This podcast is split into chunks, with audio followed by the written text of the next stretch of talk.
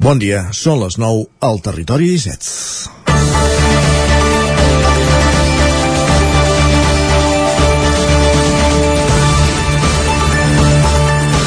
La legalització de la marihuana és des de fa temps una qüestió latent en la societat. Hi ha qui ho considera una mesura necessària en ple segle XXI, però també a qui el preocupa que el consum es pugui estendre amb molta facilitat.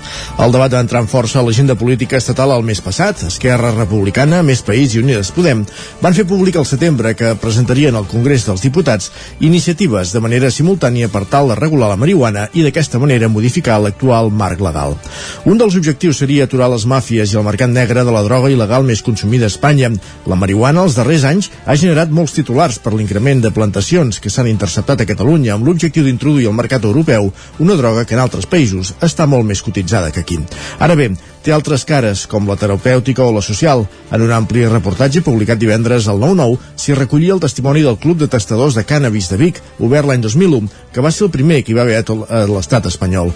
Compta amb una seixantena de socis que tenen dret a entrar al local per consumir-hi la marihuana que porti cadascun d'ells, mentre que una quarantena de persones pertanyen al col·lectiu, al col·lectiu col·lectiu del club, és a dir, a la producció d'autoconsum. El president Jaime Prats, que també és editor de la revista Cànyamo, destaca que mai tenen problemes amb els veïns de la zona i que són molt discrets, no fan soroll i no molesten a ningú. Des del seu punt de vista, la regulació és necessària perquè hi ha inestabilitat jurídica i falta reglamentació per estar més tranquils. L'objectiu principal del club, segons Prats, és facilitar el consum d'una substància que no es troba al mercat i això deriva en una producció d'autoconsum que posteriorment es facilita als socis del club. Són les diverses cares d'una droga que ara pot començar el seu camí en l'àmbit legislatiu serem testimonis de la seva evolució. Comença el Territori 17 a la sintonia d'Ona Codinenca, la veu de Sant Joan, Ràdio Cardedeu, Ràdio Vic, el 9 FM i el 9 TV. Territori 17, amb Isaac Moreno i Jordi Sunyer.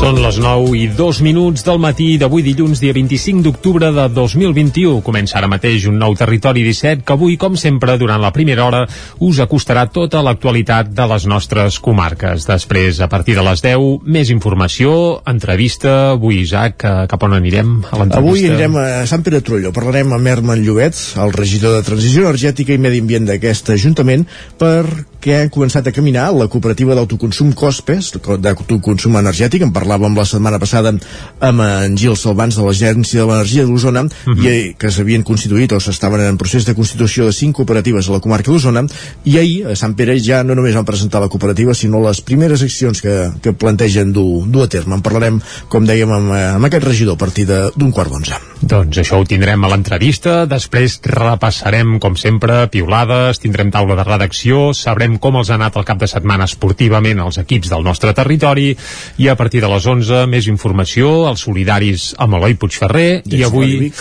correcte. i avui haurem d'acabar amb tertúlia esportiva parlant del clàssic d'ahir, eh? 2 a 1, va guanyar el Madrid, 1 a 2, perdó. Sí, i, i, i en Pep Acosta, que ens acostarà el temps, ja dic que està molt decebut amb el resultat i amb el joc del Barça, però vaja. I tampoc estarà això... per tirar coets en Lluís de Planell després d'empatar dos al camp de l'Elx. Ah, bé, això ho comprovarem a la part final d'un programa que ara arrenca acostant-vos, com fem sempre, l'actualitat de les nostres comarques, l'actualitat de les comarques del Ripollès, Osona, el Moianès i el Vallès Oriental.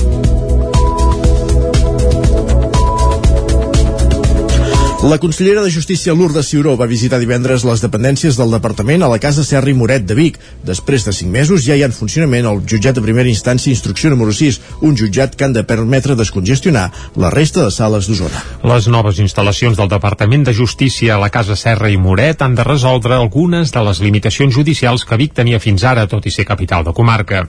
I és que des del 2019, per exemple, els judicis penals es fan a Manresa per deficiències en les infraestructures que hi havia a la capital d'Osona. Divendres, la consellera de Justícia, Lourdes Ciuró, va visitar les noves instal·lacions, que assumiran processos com conflictes entre particulars o entitats, desnonaments o contractes de compravenda, herències i arrendaments. En el vessant penal permetran recuperar ja part de l'activitat de delictes lleus. Una de les problemàtiques que des de Justícia esperen mitigar amb aquestes instal·lacions també és que els jutges comencin a escollir Vic com a destí per projectar-hi la seva carrera professional. Lourdes Ciuró és la consellera de Justícia. No són magistrats, són jutges i jutgesses, això què vol dir?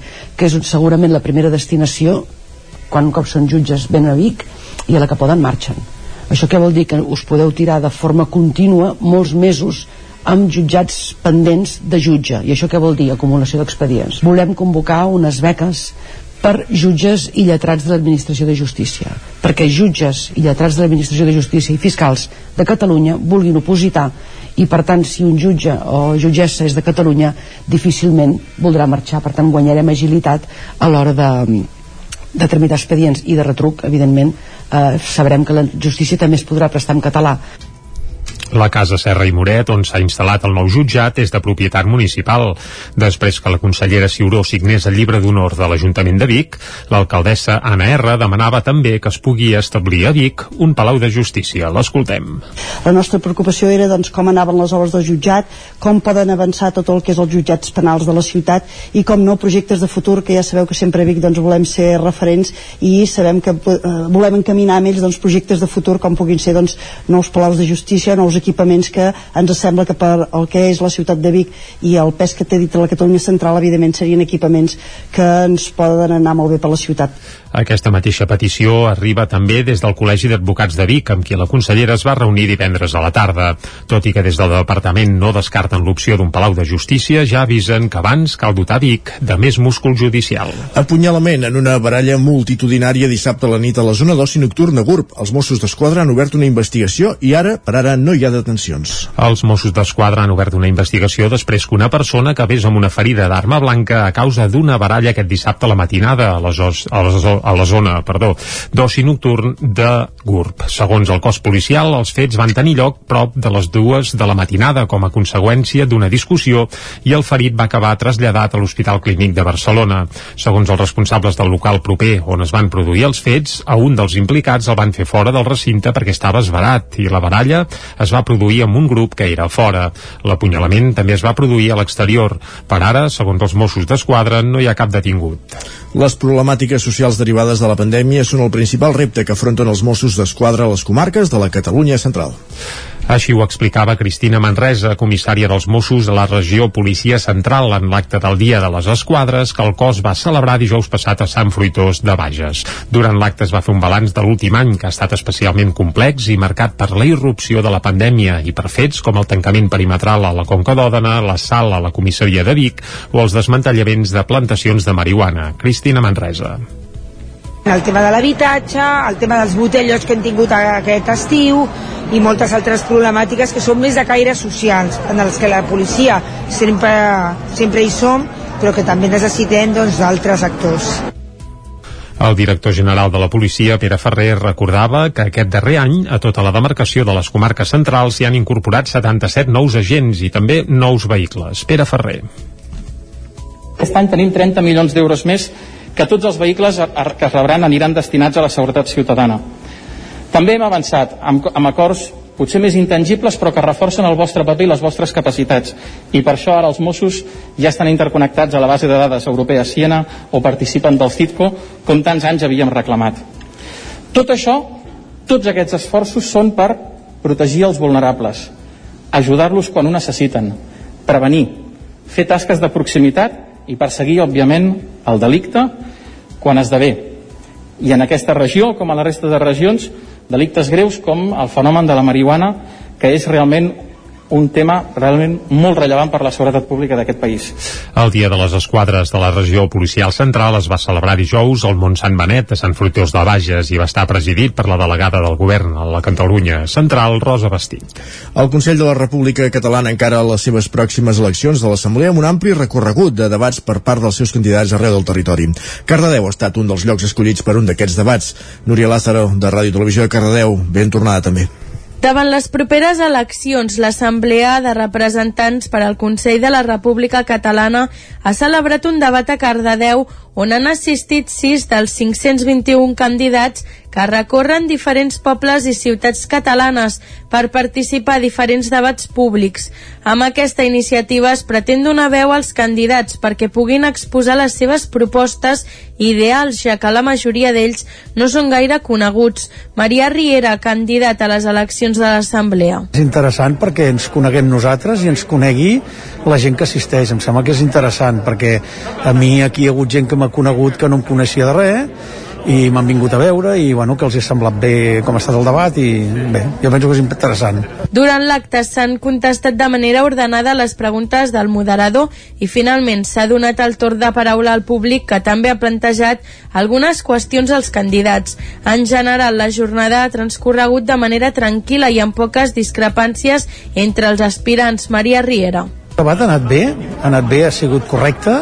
Eh, evidentment, doncs, com que no som de partits no ens hem tingut que barallar per res i jo penso que del que s'ha parlat és del que s'havia de parlar perquè del futur posterior a les eleccions ja en parlarem perquè a més d'aquí n'hi haurem poder la majoria no, no, serem, no serem escollits. Per tant, bueno, ja en parlarem. Jo penso que el que s'ha parlat era l'essencial i està bé. Les eleccions es faran els dies 29, 30 i 31 d'octubre.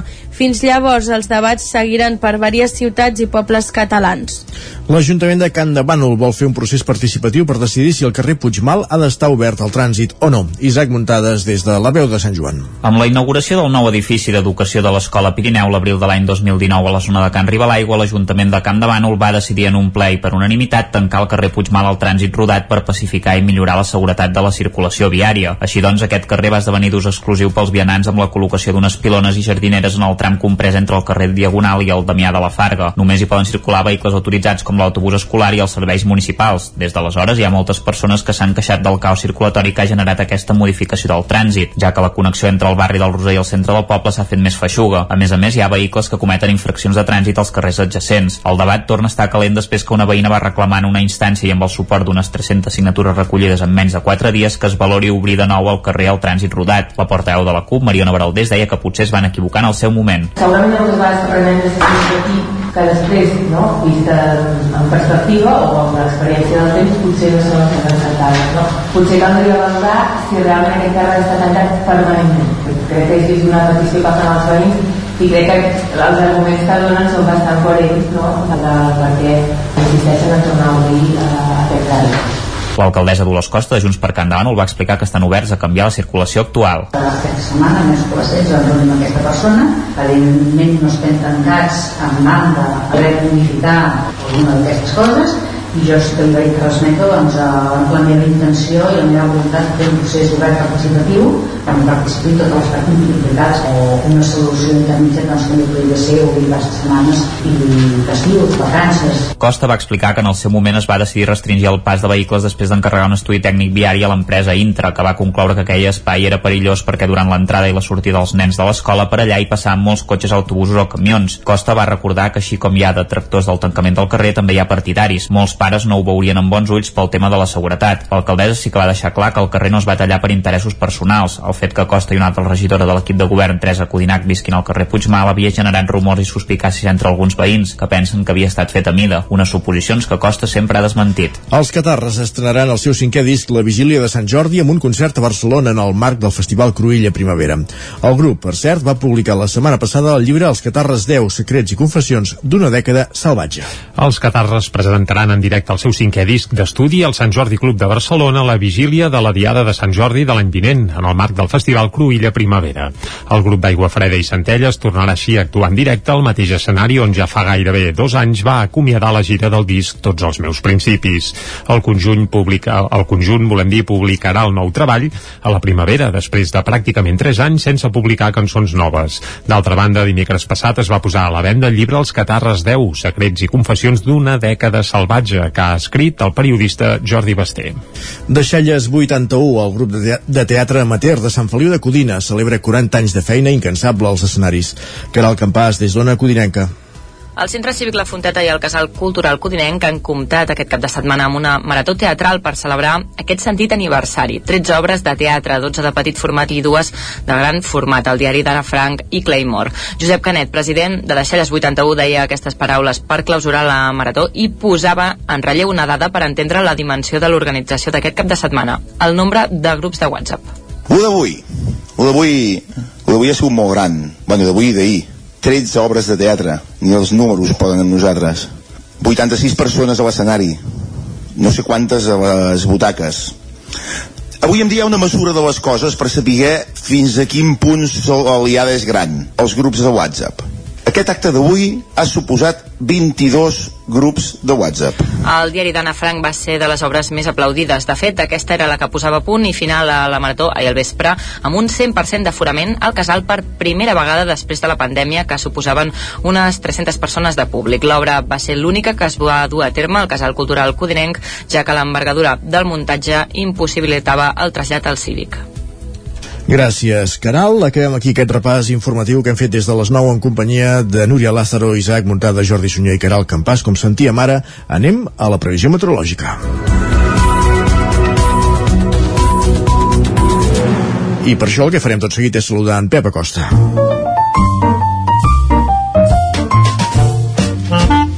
Casa Terradellos us ofereix el temps. Doncs va, saludem de seguida en Pep Acosta, que bé, l'hem notat, abans he parlat amb ell, Isaac, i està, està tocadot, eh, d'aquest cap de no setmana. Seria, no seria eufòric, eh? No, no, no, i no només pel tema meteorològic, sinó que també l'afecten condicionals, condicionants, per exemple, futbolístics. Això, que... això és el que té posar-se expectatives relativament altes. Sí, sí, sí.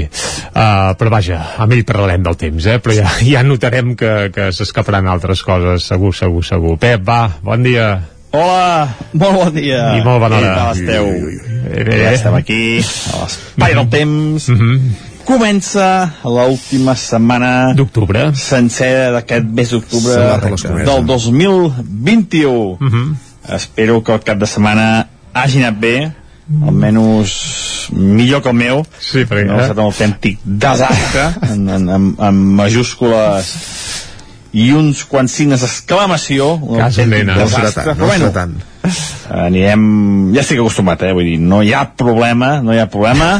Està I també ha estat una mica desastre pel tema meteorològic, eh? Perquè és que no, no, no hi ha manera, estem en una en una espiral, en una situació mm, mo- molt dolenta, diré jo, no m'agrada gens, amb una sequera molt important aquest 2021, eh, uns mapes del temps molt plans, molt monòtons, no, és que no, no, no hi ha gaires al·licients, estem bastant fotuts, eh? Bastant fotuts, diria jo, i no, no, no sembla que puguem avançar eh, en aquesta espiral que, que tenim a, a sobre, eh? bastant malament, eh? molt malament, eh, tot plegat. Però bueno, deixem el desastrós cap de setmana que hem passat, eh, meteorològicament parlant, diria també, perquè eh, l'únic destacat és que fa una mica més de fred a la nit, però tampoc no fa un fred exagerat, ni molt menys, però sí que una mica més de fred, ara, el de dia sí està molt bé, eh? de dia les temperatures són molt agradables, un ambient eh, molt, molt, molt suau de dia, això sí, de nit una mica més de fred, eh, sol, hi ha hagut alguna nuvolada, però, però molt, cosa, molt poca cosa més, eh?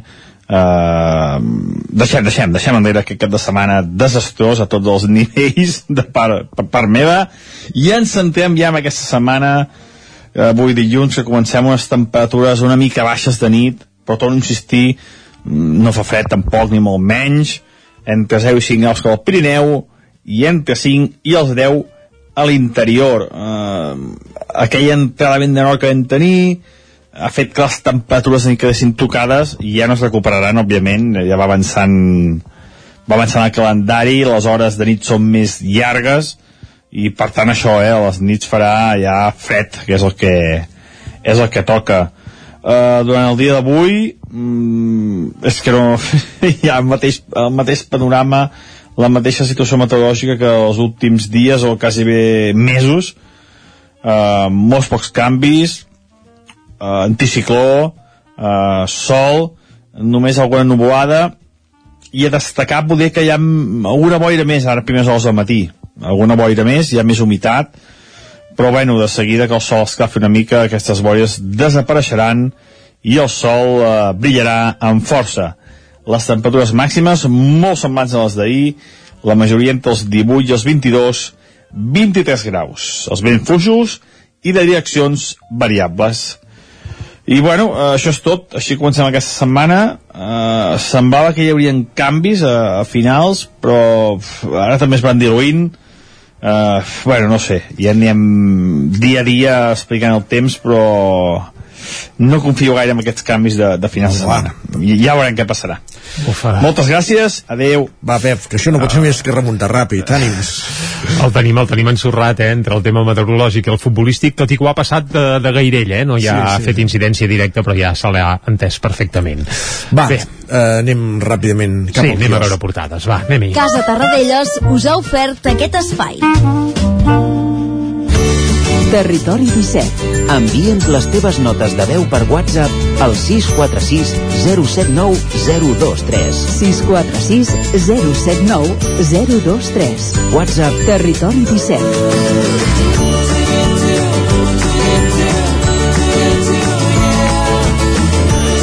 Territori 17. Som a Facebook, Twitter i Instagram amb l'usuari Territori 17.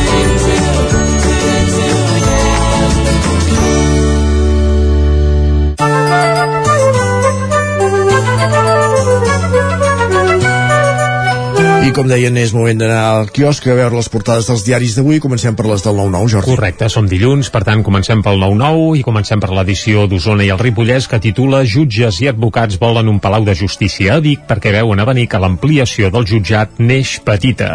Això és el que titula el 9-9 d'avui amb un subtítol que diu que ho van explicar divendres a la consellera de Justícia, Lourdes Ciuró, que bé, que va estar de visita aquí a la ciutat dels Sants i també s'apunta que cada setmana se suspenen judicis a Vic per falta de sales. La fotografia és a Viladrau. Per què? Doncs perquè aquest cap de setmana ha començat la Fira de la Castanya, una fira que s'allargarà fins tots sants, per tant encara hi ha dies per anar a fer un tom per Viladrau, a collir castanyes, o gaudir de la fira i de la multitud d'activitats que s'hi fan. També un apunt esportiu, i és que el Voltregà va debutar a Europa amb un empat a 5 a Portugal. Va jugar contra, bé, un equip que... Sant Joanense es diuen, Sant això. Molt bé, De, anem al... de l'Abadesense, no, eh? No, no, no, no, no, Sant Joanense no de les abadesses, sinó de, de Portugal, eh? Sant Joanense portuguès. Va, som Anem cap al Vallès Oriental, titular Lluís Vilalta i Jordi Franquesa d'un Codines Trail, Vallesans de l'any. Recordem que divendres passat al vespre es va fer la gala del Vallesà de l'any, una gala que es va poder seguir pel 99.cat en streaming i que va ser un excitàs, cal, cal dir-ho. També apunten al 99 del Vallès Oriental que Lliçà de Vall descongela la seva festa del glaç i és que l'any passat no hi va haver festa del glaç per culpa de la pandèmia, aquest any afortunadament la festa ha pogut tornar i Granollers recuperarà la taxa de terrasses en dos anys la rebaixa actual del 50% passarà a ser del 25% l'any vinent això vol dir que les restriccions pel Covid i això es van aixecant i que en teoria doncs, els bars i restaurants que tinguin terrassa pagaran una mica més. Anem a les portades d'àmbit nacional. Isaac, va, uh, comencem pel punt avui, on hi ha una entrevista al que en principi serà el nou alcalde de Badalona i diu "Prioritzi- prioritzarem Badalona per sobre de tota la resta. Aquest és el titular de l'entrevista a Rubén Guijarro, que bé serà el candidat a l'alcaldia de Badalona i tot apunta que substituirà a García Albiol. Aquest és un titular que, que el, podem- el podem aplicar a tants alcaldes quan comencen. Ah, sí, no, no, tots prioritzaran el seu municipi per sobre de tot. Uh, però, bueno, el subtítol és Badalona o el show permanent, és a dir, que, clar, és que Badalona, si agafem l'historial dels darrers anys, entre el Viol uh, guanyem l'exalcalde socialista, qui no recorda Sí, aquell eh? alcalde que va haver-ho de deixar per un bé tant és. Àlex Pastor, sí. Correcte.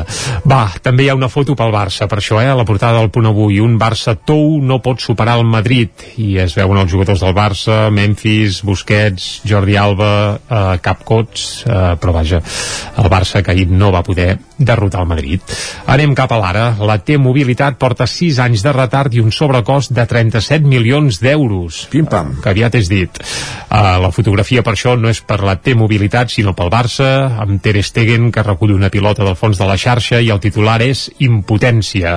A l'ara també apunten que Salut estudiarà l'ús del passaport Covid a la restauració, la cultura i els gimnasos. Per tant, el passaport Covid que es podria estendre més enllà de, de les discoteques i les sales de concerts. Anem ara cap a l'avantguàrdia. La llei Mordassa amenaça d'obrir un altre front a la coalició del govern central, un govern espanyol que no, guarda, no guanya per disgustos i ara sembla que amb la llei Mordassa, que en teoria s'hauria de derogar, el pacte que van fer eh, Unides Podemos i PSOE, Déu van sí, establir sí. així, però bé, ara quan s'hi han de posar ja sembla que s'acosten més picabaralles. La foto per això és pel, pel Barça, evidentment, per un mosaic fantàstic, ahir el Barça, bé, almenys al camp, feia goig, feia goig, feia, goig, feia anys que no, exacte, i el titular és el Madrid líquida un Barça inofensiu, això és el que titula la Vanguardia. També que Barcelona vol que els més joves de 16 anys participin en consultes. Molt bé, i anem cap al periòdico. Ràpidament. 9 de cada 10 assalariats a Espanya no tenen pacte per teletreballar. I la foto és per... Pacte per teletreballar. Mm. Sí, bé, 9 de cada 10 no tenen pacte. La foto pel Barça, cruel derrota. Així també titula el periòdico el que va passar ahir al Camp Nou. I ràpidament, un cop d'ull a portades que s'editen des de Madrid. Un minut i mig. Les sí. comunitats prescindeixen almenys de 21.000 sanitaris. Això titula el País. El descens de la Covid precipita el, la retallada de professionals contractats com a reforç per la pandèmia. La foto també és pel Barça, eh? i es veu un Ter Stegen, bé, que no fa bona cara, i diu el Real Madrid guanya el primer clàssic després del retorn del públic. Uh, eh, estan més contents al país que els diaris que havíem repassat abans. Sí, eh? Anem al Mundo, Casado manté la majoria i Sánchez s'estanca per culpa de Díaz. Uh, això és res més ni res menys que una enquesta que ha publicat el Mundo que, que bé, que apunta que el PP ara mateix escombraria en, en unes sí, sí, uh, exacte, en unes hipotètiques eleccions a l'estat espanyol, victòria sense discussió del Madrid davant d'un tendre Barça, això també apareix a la portada del Mundo, anem a l'ABC ràpidament, atenció perquè el titular és molt diferent, no apareix en lloc més eh? però l'ABC sí, Gibraltar continua la seva expansió al cim d'aigües espanyoles això és el que titula l'ABC. Resulta que el Panyó desenvolupa un nou complex residencial que se suma a altres ah, dos projectes de més de 60.000 metres quadrats davant del silenci del govern de Pedro Sánchez. Ràpidament anem a la raó. Uh, vinga, el Madrid, per cert, s'imposa el primer clàssic amb normalitat i a la raó, en 10 segons, la majoria suspèn els 100 dies del nou govern. També amb una enquesta que s'han tret de la màniga i la foto per més i millor Madrid al clàssic. Perfecte, doncs repassades les portades fem una pausa al territori 17, 3 minuts i tornem amb més actualitat. Fins ara mateix. El nou FM, la ràdio de casa, al 92.8. El racó de León. Gaudeix de la nostra terrassa. Vine a tastar les xuletilles de lechal a la brasa amb una bona amanida o el xuletón de vedella gallega. No et pots perdre el nostre lechado de Castilla al forn o el cochinillo a l'estil de Segovia. Tot acompanyat del millor celler, al menjador o fora la terrassa. Descobreix la millor cuina de lleó sense moure't de casa. Vine amb la família, els amics, la parella o sol. T'encantarà. El racó de León. Cuina tradicional lleonesa i de mercat. Som al carrer Torelló número 35 de Vic. Per reserves, telèfon 93 889 1950. El racó de León, una cuina diferent. Som especialistes en cargols a la llauna. Vine a tastar-los al racó de León. Això és el que s'escolta al voltant d'una caldera saunia d'Oval tranquil·litat i benestar, perquè gaudeix del millor manteniment del servei tècnic oficial per estar despreocupat. O el que vulgui. Informis a Oficiat Nord trucant al 938860040. Saunier Duval, sempre al seu costat. Ja tens la teva disfressa de Halloween? A Manli tenim les més terrorífiques. Vine a buscar caretes i tots els complements que et calguin per passar una nit de por. Ens trobareu al carrer de Ramon Soler número 1 de Vic i també a manli.cat. A Manli fem de la festa una bogeria. Amb Pradell estalvio energia i cuido la meva butxaca i el medi ambient. Posa't en mans a Pradell, són experts en calderes de gas i condensació, estufes de pèl·let, energia solar, terres radiants i geotèrmia.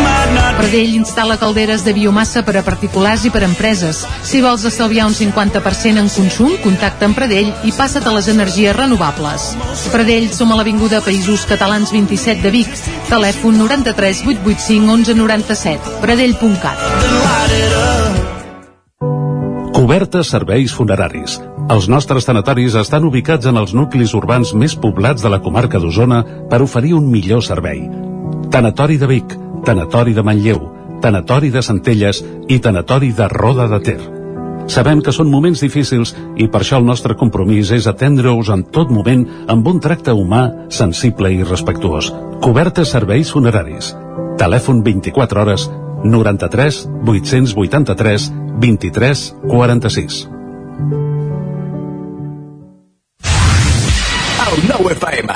Anuncia't al 9FM. La màquina de casa. 9 3 8 8 9 4 9 4 9 Publicitat arroba al 9FM.cat. Anuncia't al 9FM. La publicitat més eficaç. El 9FM.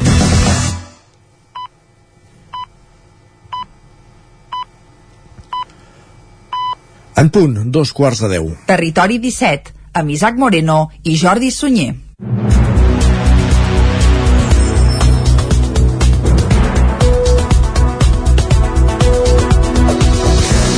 I a dos quarts de deu en punt, d'avui dilluns, dia 25 d'octubre de 2021, toca acostar-vos de nou l'actualitat de les nostres comarques. Això sí, us avancem ja una mica pel el menú que tenim fins a les 12 del migdia. Abans de les 10 hi posarem una mica de música, avui des de Mollà, amb els beatniks, de seguida descobrirem qui són. A les 10 més informació, després a l'entrevista anirem, Isaac, cap a Sant Pere de Torelló, oi? Correcte, com dèiem, parlarem amb el regidor de Transició Energètica i Medi Ambient, Herman Llobet, sobre la posada en marxa de la seva cooperativa d'autoconsum d'energia, que es porta per nom Cospes. Quan arribem a l'equador del programa, cap a dos quarts d'onze, hi posarem una mica d'alegria i humor, repassant les piulades, com cada dia, amb en Guillem Sánchez. Després anirem a la taula de redacció, repassarem també com els ha anat el cap de setmana esportivament parlant els equips del nostre territori. A les 11 més informació, després tindrem els solidaris amb Eloi Puigferrer, avui per parlar-nos de... De l'Associació de Familiars de Malalts d'Alzheimer d'Osona, l'AFMADO. I acabarem amb un to potser un pèl apagat, o no? Ja ens ho trobarem prou amb tertúlia esportiva, com fem Home, sempre per- tots per- els dilluns. Per part de muntades, poc apagat, eh? Sí, també també és veritat. Potser algú vindrà una mica Eufòric. més alegre i eufòric que d'altres. Uh, però bé, això serà a la part final d'un programa que ara segueix acostant-vos de nou, com sempre, l'actualitat de casa nostra, de casa vostra, l'actualitat de les comarques del Ripollès, Osona, el Moianès i el Vallès Oriental.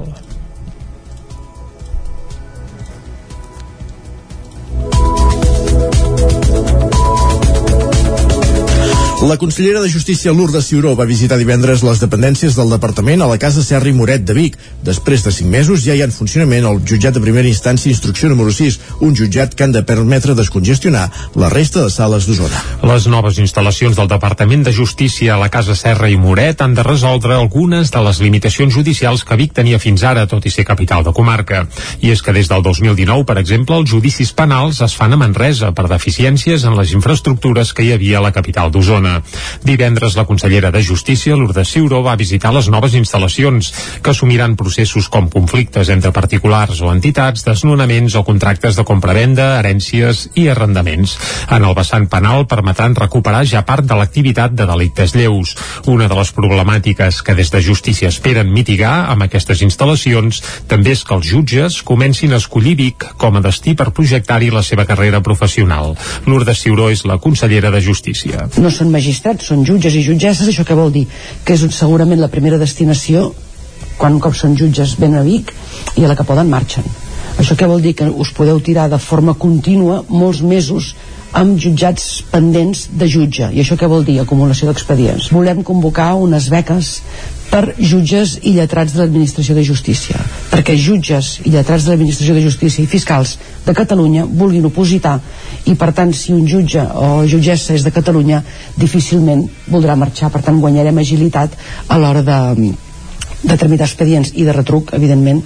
Eh, sabrem que la justícia també es podrà prestar en català La casa Serra i Moret, on s'ha instal·lat el nou jutjat, és de propietat municipal.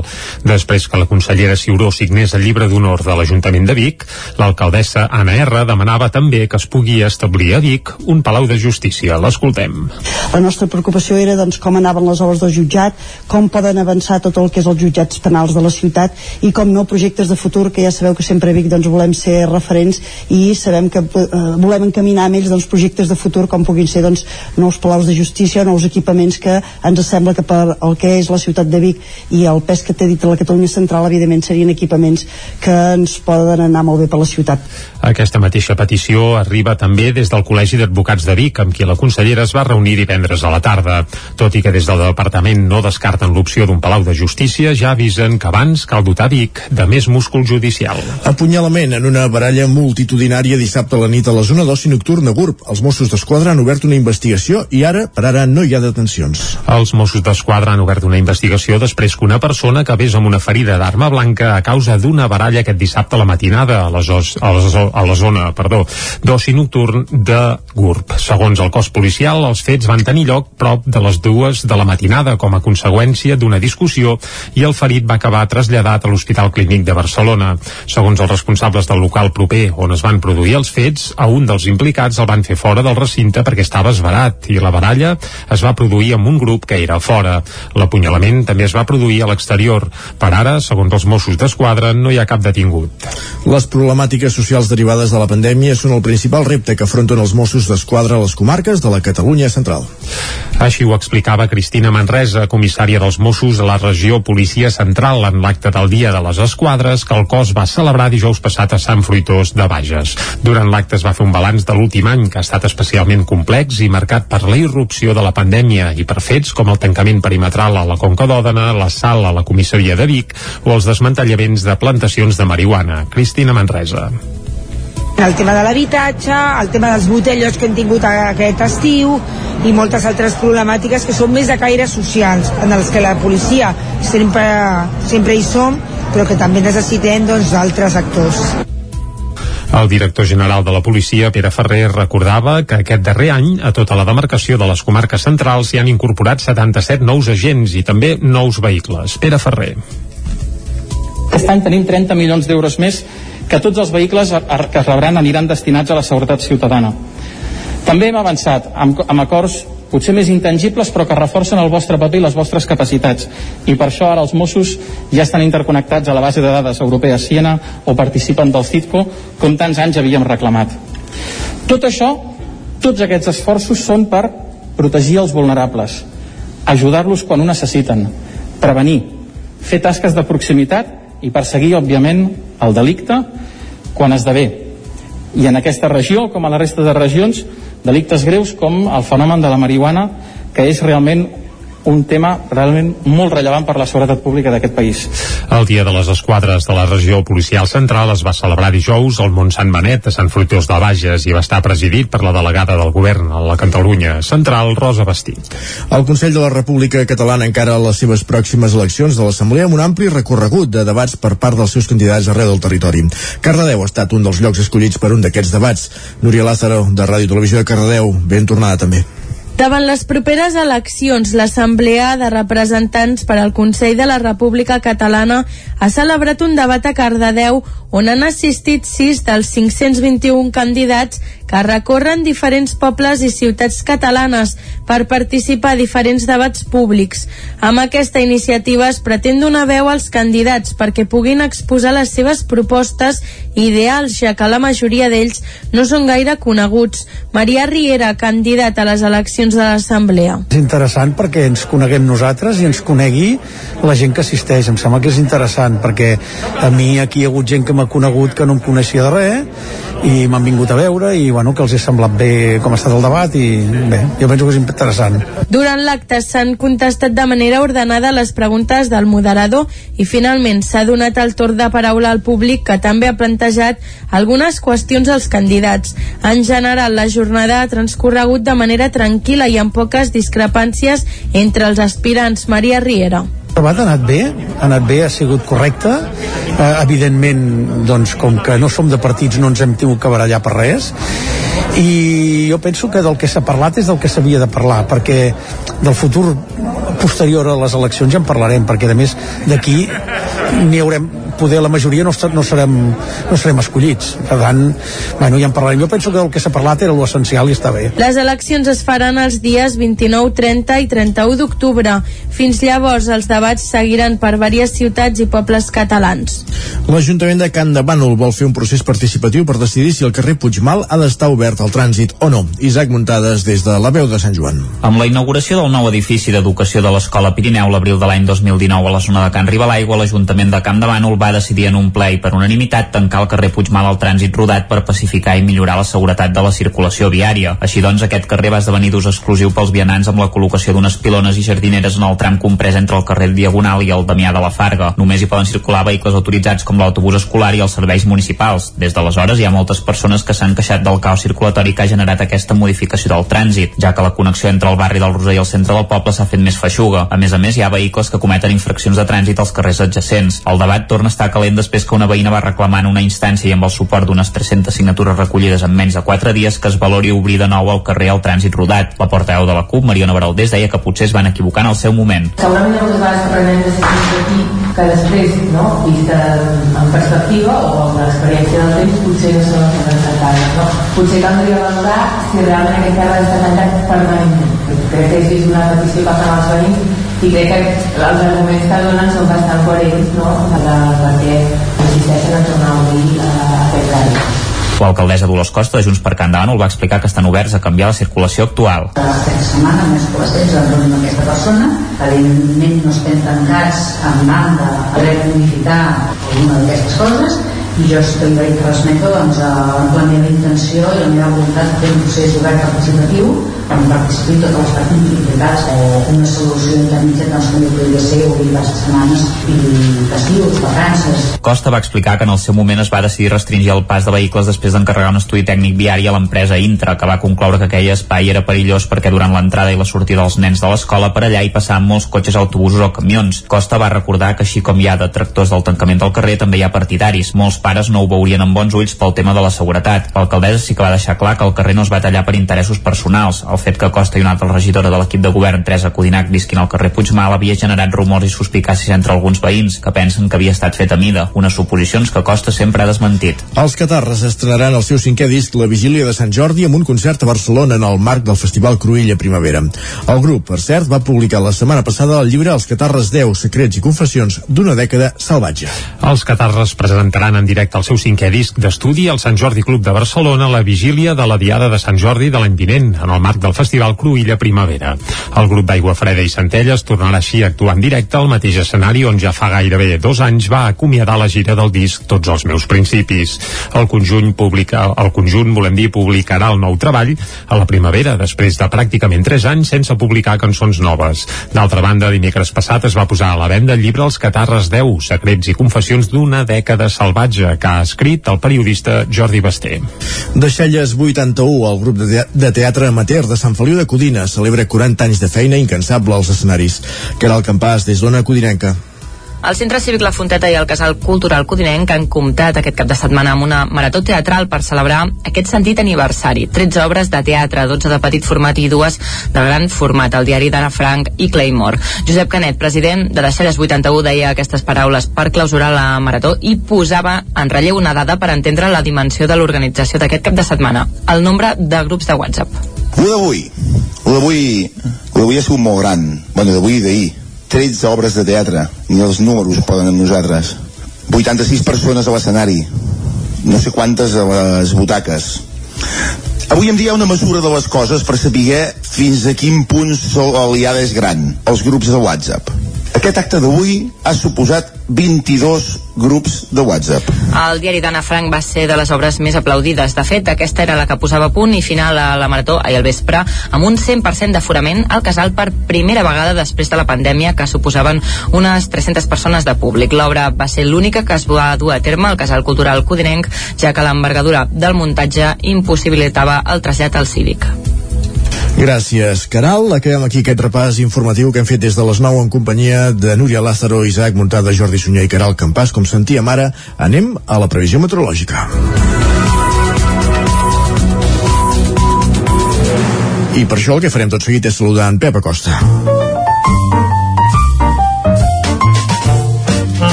Casa Terradellos us ofereix el temps. Doncs va, saludem de seguida en Pep Acosta, que bé, l'hem notat, abans he parlat amb ell, Isaac, i està, està tocadot, eh, d'aquest cap de no seria, setmana. no seria eufòric, eh? No, no, no, i no només pel tema meteorològic, sinó que també l'afecten condicionals, condicionants, per exemple, futbolístics. Això, que... això és el que té posar-se expectatives relativament altes. Sí, sí, sí. Uh, però vaja, amb ell parlarem del temps, eh? Però ja, ja notarem que, que s'escaparan altres coses, segur, segur, segur. Pep, va, bon dia. Hola, molt bon dia. I molt bona hora. com esteu? Bé, bé. Ja estem aquí, a l'espai del temps. Mhm. Comença l'última setmana d'octubre sencera d'aquest mes d'octubre del 2021. Mhm. Espero que el cap de setmana hagi anat bé, almenys millor que el meu. Sí, perquè... No ha estat un autèntic desastre, en, en, en, en majúscules i uns quants signes d'exclamació Casa nena, no serà tant, no bueno, tant. anirem ja estic acostumat, eh? vull dir, no hi ha problema no hi ha problema Està i també ha estat una mica desastre pel tema meteorològic eh? perquè és que no, no, no hi ha manera estem en una en una espiral, en una situació mm, mo- molt dolenta diré jo, no m'agrada gens amb una sequera molt important aquest 2021 eh, uns mapes del temps molt plans, molt monòtons, no, és que no, no, no hi ha gaires al·licients, estem bastant fotuts, eh? Bastant fotuts, diria jo, i no, no, no sembla que puguem avançar eh, en aquesta espiral que, que tenim a, a sobre, eh? bastant malament, eh? molt malament, eh, tot plegat. Però bueno, deixem el desastrós cap de setmana que hem passat, eh, meteorològicament parlant, diria també, perquè eh, l'únic destacat és que fa una mica més de fred a la nit, però tampoc no fa un fred exagerat ni molt menys, però sí que una mica més de fred, ara, el de dia sí està molt bé, eh? de dia les temperatures són molt agradables, un ambient eh, molt, molt, molt suau de dia, això sí, de nit una mica més de fred, eh, sol, hi ha hagut alguna nuvolada, però, però molt, cosa, molt poca cosa més, eh? Uh, deixem, deixem, deixem enrere aquest cap de setmana desastrós a tots els nivells de part, per part meva i ens centrem ja en aquesta setmana avui dilluns que comencem unes temperatures una mica baixes de nit però torno a insistir no fa fred tampoc ni molt menys entre 0 i 5 graus que al Pirineu i entre 5 i els 10 a l'interior eh, aquella entrada vent de nord que vam tenir ha fet que les temperatures ni quedessin tocades i ja no es recuperaran, òbviament, ja va avançant va avançant el calendari, les hores de nit són més llargues i per tant això, eh, a les nits farà ja fred, que és el que és el que toca. Uh, durant el dia d'avui mm, és que no hi ha el mateix, el mateix panorama la mateixa situació meteorològica que els últims dies o quasi bé mesos. Uh, molts pocs canvis uh, anticicló uh, sol només alguna nuvolada i a destacar poder que hi ha alguna boira més ara primers hores del matí. Alguna boira més, hi ha més humitat però bueno, de seguida que el sol esclafi una mica aquestes boires desapareixeran i el sol eh, brillarà amb força les temperatures màximes molt semblants a les d'ahir la majoria entre els 18 i els 22 23 graus. Els vents fluixos i de direccions variables. I bueno, eh, això és tot. Així comencem aquesta setmana. Eh, semblava que hi haurien canvis a, a finals però ara també es van diluint. Uh, bueno, no sé, ja anem dia a dia explicant el temps, però no confio gaire en aquests canvis de, de finals de setmana. I ja veurem què passarà. Ho farà. Moltes gràcies, adeu. Va, Pep, que això no pot fer més que remuntar ràpid. Ànims. El tenim, el tenim ensorrat, eh, entre el tema meteorològic i el futbolístic, tot i que ho ha passat de, de gairell, eh? No hi ha Sí, sí. fet incidència directa, però ja se l'ha entès perfectament. Va, Bé, eh, anem ràpidament cap sí, anem a veure portades, va, anem-hi. Casa Tarradellas us ha ofert aquest espai. Territori 17. Envia'ns les teves notes de veu per WhatsApp al 646 079 023. 646 079 023. WhatsApp Territori 17.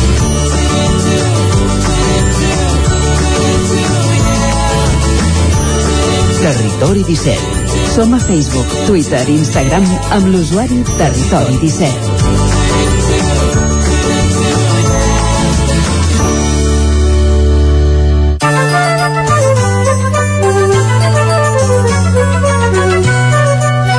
I com deien, és moment d'anar al quiosc a veure les portades dels diaris d'avui. Comencem per les del 9-9, Jordi. Correcte, som dilluns, per tant comencem pel 9-9 i comencem per l'edició d'Osona i el Ripollès que titula Jutges i advocats volen un palau de justícia a Vic perquè veuen a venir que l'ampliació del jutjat neix petita. Això és el que titula el 9-9 d'avui amb un subtítol que diu que ho van explicar divendres a la consellera de Justícia, Lourdes Ciuró, que bé, que va estar de visita aquí a la ciutat dels Sants i també s'apunta que cada setmana se suspenen judicis a Vic per falta de sales. La fotografia és a Viladrau. Per què? Doncs perquè aquest cap de setmana ha començat la fira de la Castanya, una fira que s'allargarà fins tots sants, per tant encara hi ha dies per anar a fer un tom per Viladrau o collir castanyes o gaudir de la fira i de la multitud d'activitats que s'hi fan. També un apunt esportiu i és que el Voltregà va debutar a Europa amb un empat a 5 a Portugal. Va jugar contra, bé, un equip que Sant Joanense es diuen, Sant això. Molt bé, De, anem al... de l'Abadesense, no, eh? No, no, no, no, no, Sant Joanense no de les abadesses, sinó de, de Portugal, eh? Sant Joanense portuguès. Va, som Anem cap al Vallès Oriental, titular Lluís Vilalta i Jordi Franquesa d'un Codines Trail, Vallesans de l'any. Recordem que divendres passat al vespre es va fer la gala del Vallesà de l'any, una gala que es va poder seguir pel 99.cat en streaming i que va ser un excitàs, cal, cal dir-ho. També apunten al 99 del Vallès Oriental que Lliçà de Vall descongela la seva festa del glaç i és que l'any passat no hi va haver festa del glaç per culpa de la pandèmia, aquest any afortunadament la festa ha pogut tornar i Granollers recuperarà la taxa de terrasses. En dos anys la rebaixa actual del 50% passarà a ser del 25% l'any vinent. Això vol dir que les restriccions pel Covid i això es van aixecant i que en teoria doncs, els bars i restaurants que tinguin terrassa pagaran una mica més. Anem a les portades d'àmbit nacional. Isaac, uh, comencem pel punt avui on hi ha una entrevista al que en principi serà el nou alcalde de Badalona i diu "Prioritzi- prioritzarem Badalona per sobre de tota la resta aquest és el titular de l'entrevista Rubén Guijarro que bé serà el candidat a l'alcaldia de Badalona i tot apunta que substituirà a García Albiol Aquest és un titular que, que el, podem, el podem aplicar a tants alcaldes quan comencen? Ah, sí, no, no, tots prioritzaran el seu municipi per sobre de tot. Uh, però, bueno, el subtítol és Badalona o el show permanent, és a dir, que, clar, és que Badalona, si agafem l'historial dels darrers anys, entre el Viol uh, guanyem l'exalcalde socialista, qui no recorda sí, aquell alcalde que va haver-ho de deixar per un bé tan és. Àlex Pastor, sí. Correcte. Va, també hi ha una foto pel Barça, per això, eh, a la portada del punt avui, un Barça tou no pot superar el Madrid, i es veuen els jugadors del Barça, Memphis, Busquets, Jordi Alba, eh, Capcots, eh, però vaja, el Barça que ahir no va poder derrotar el Madrid. Anem cap a l'ara. La T-Mobilitat porta 6 anys de retard i un sobrecost de 37 milions d'euros. Pim-pam. Que aviat és dit. Uh, la fotografia per això no és per la T-Mobilitat, sinó pel Barça, amb Ter Stegen, que recull una pilota del fons de la xarxa i el titular és impotència.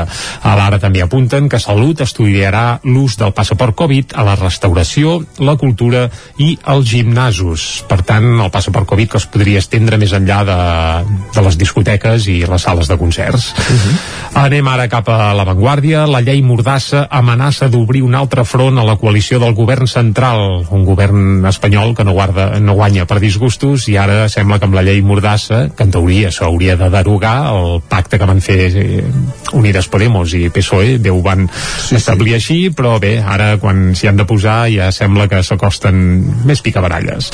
La foto per això és pel, pel Barça, evidentment, per un mosaic fantàstic, i el Barça, bé, almenys al camp, feia Feia goig, goig, feia es va goig, tornar feia anys que no, exacte, i el titular és el Madrid líquida un Barça inofensiu, això és el que titula la Vanguardia, també que Barcelona vol que els més joves de 16 anys participin en consultes.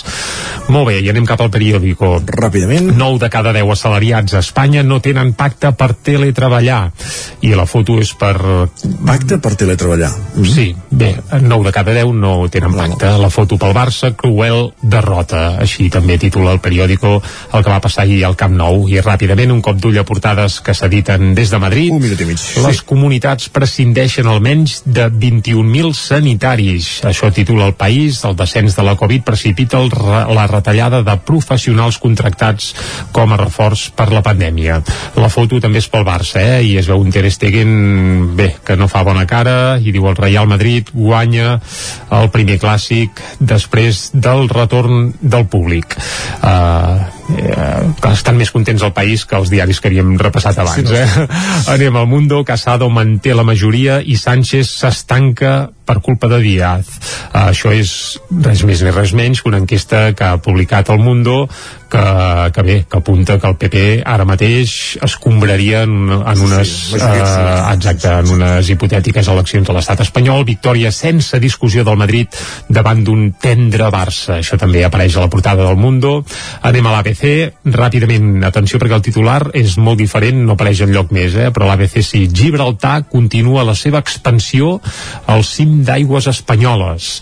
Això és el que titula l'ABC. Resulta que el Panyó desenvolupa un nou complex residencial que se suma a altres ah, dos projectes de més de 60.000 metres quadrats davant del silenci del govern de Pedro Sánchez. Ràpidament anem a la Razón. Uh, vinga, el Madrid, per cert, s'imposa el primer clàssic amb normalitat i a la Razón, en 10 segons, la majoria suspèn els 100 dies del nou govern. També amb una enquesta que s'han tret de la màniga i la foto per més i millor Madrid al clàssic. Doncs posem-hi música tot plegat gairebé Jordi, no? Sí, sí, sí, perquè després del festival d'ahir a la tarda és millor a les penes punyalades i també agafar-s'ho amb ja. relativa...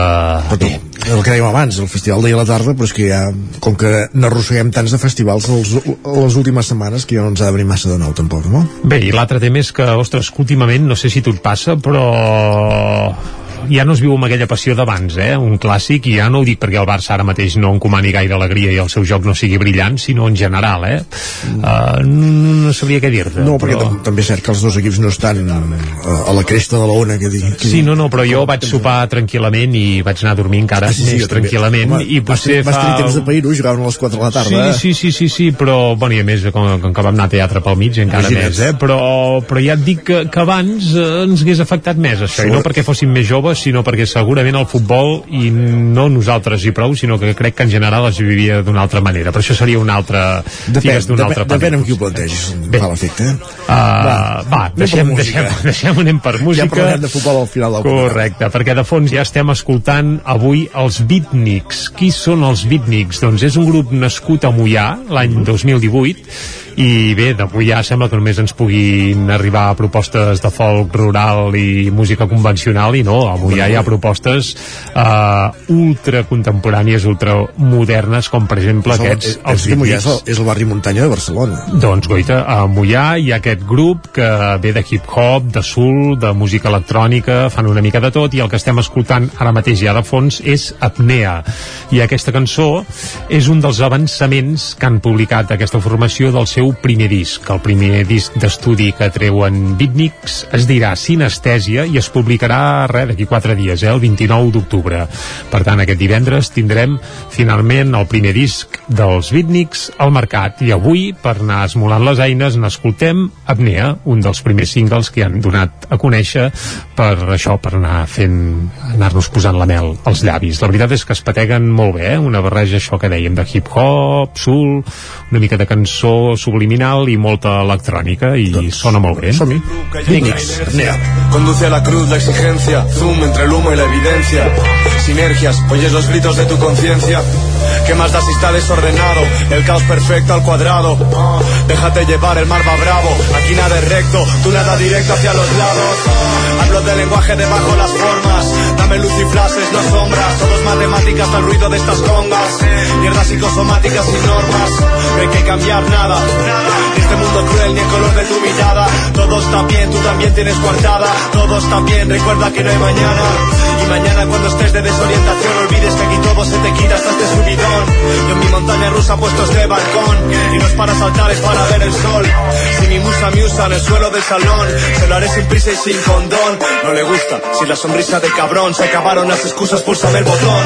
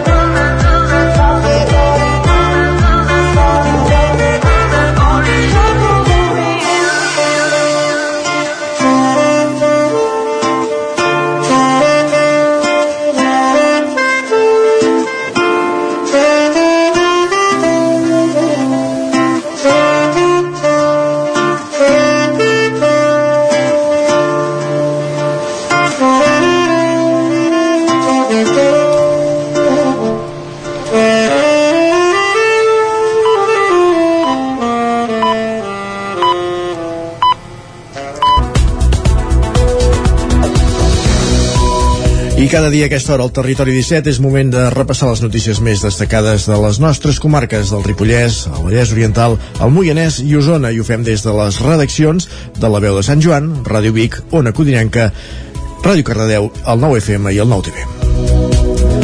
La regidora de Cultura de l'Ajuntament de Vic, Susana Roura, deixarà l'escó municipal en els propers dies per centrar-se en el càrrec de directora general d'Educació Penal a la Comunitat i de Justícia Juvenil de la Generalitat, per al qual va ser nomenada el juliol passat. La renúncia es formalitzarà en el proper ple del dia 8 de novembre i qui assumirà el càrrec de Cultura serà, serà la ja regidora de Promoció Econòmica, Ocupació i Comerç, Bet Piella. En una entrevista a l'angle obert del Nou TV, Roura reconeixia que els dos càrrecs són compatibles, però que per coherència de seguida va tenir clar que havia de renunciar a l'acte de regidora. L'escoltem. Legalment són compatibles, però a nivell laboral són incompatibles. Si vols fer la feina ben feta, no fas bé ni l'una ni l'altra. Després, doncs, eh, és millor deixar-ho, que també pugui gaudir-ne algú altre de la condició de regidor o regidora.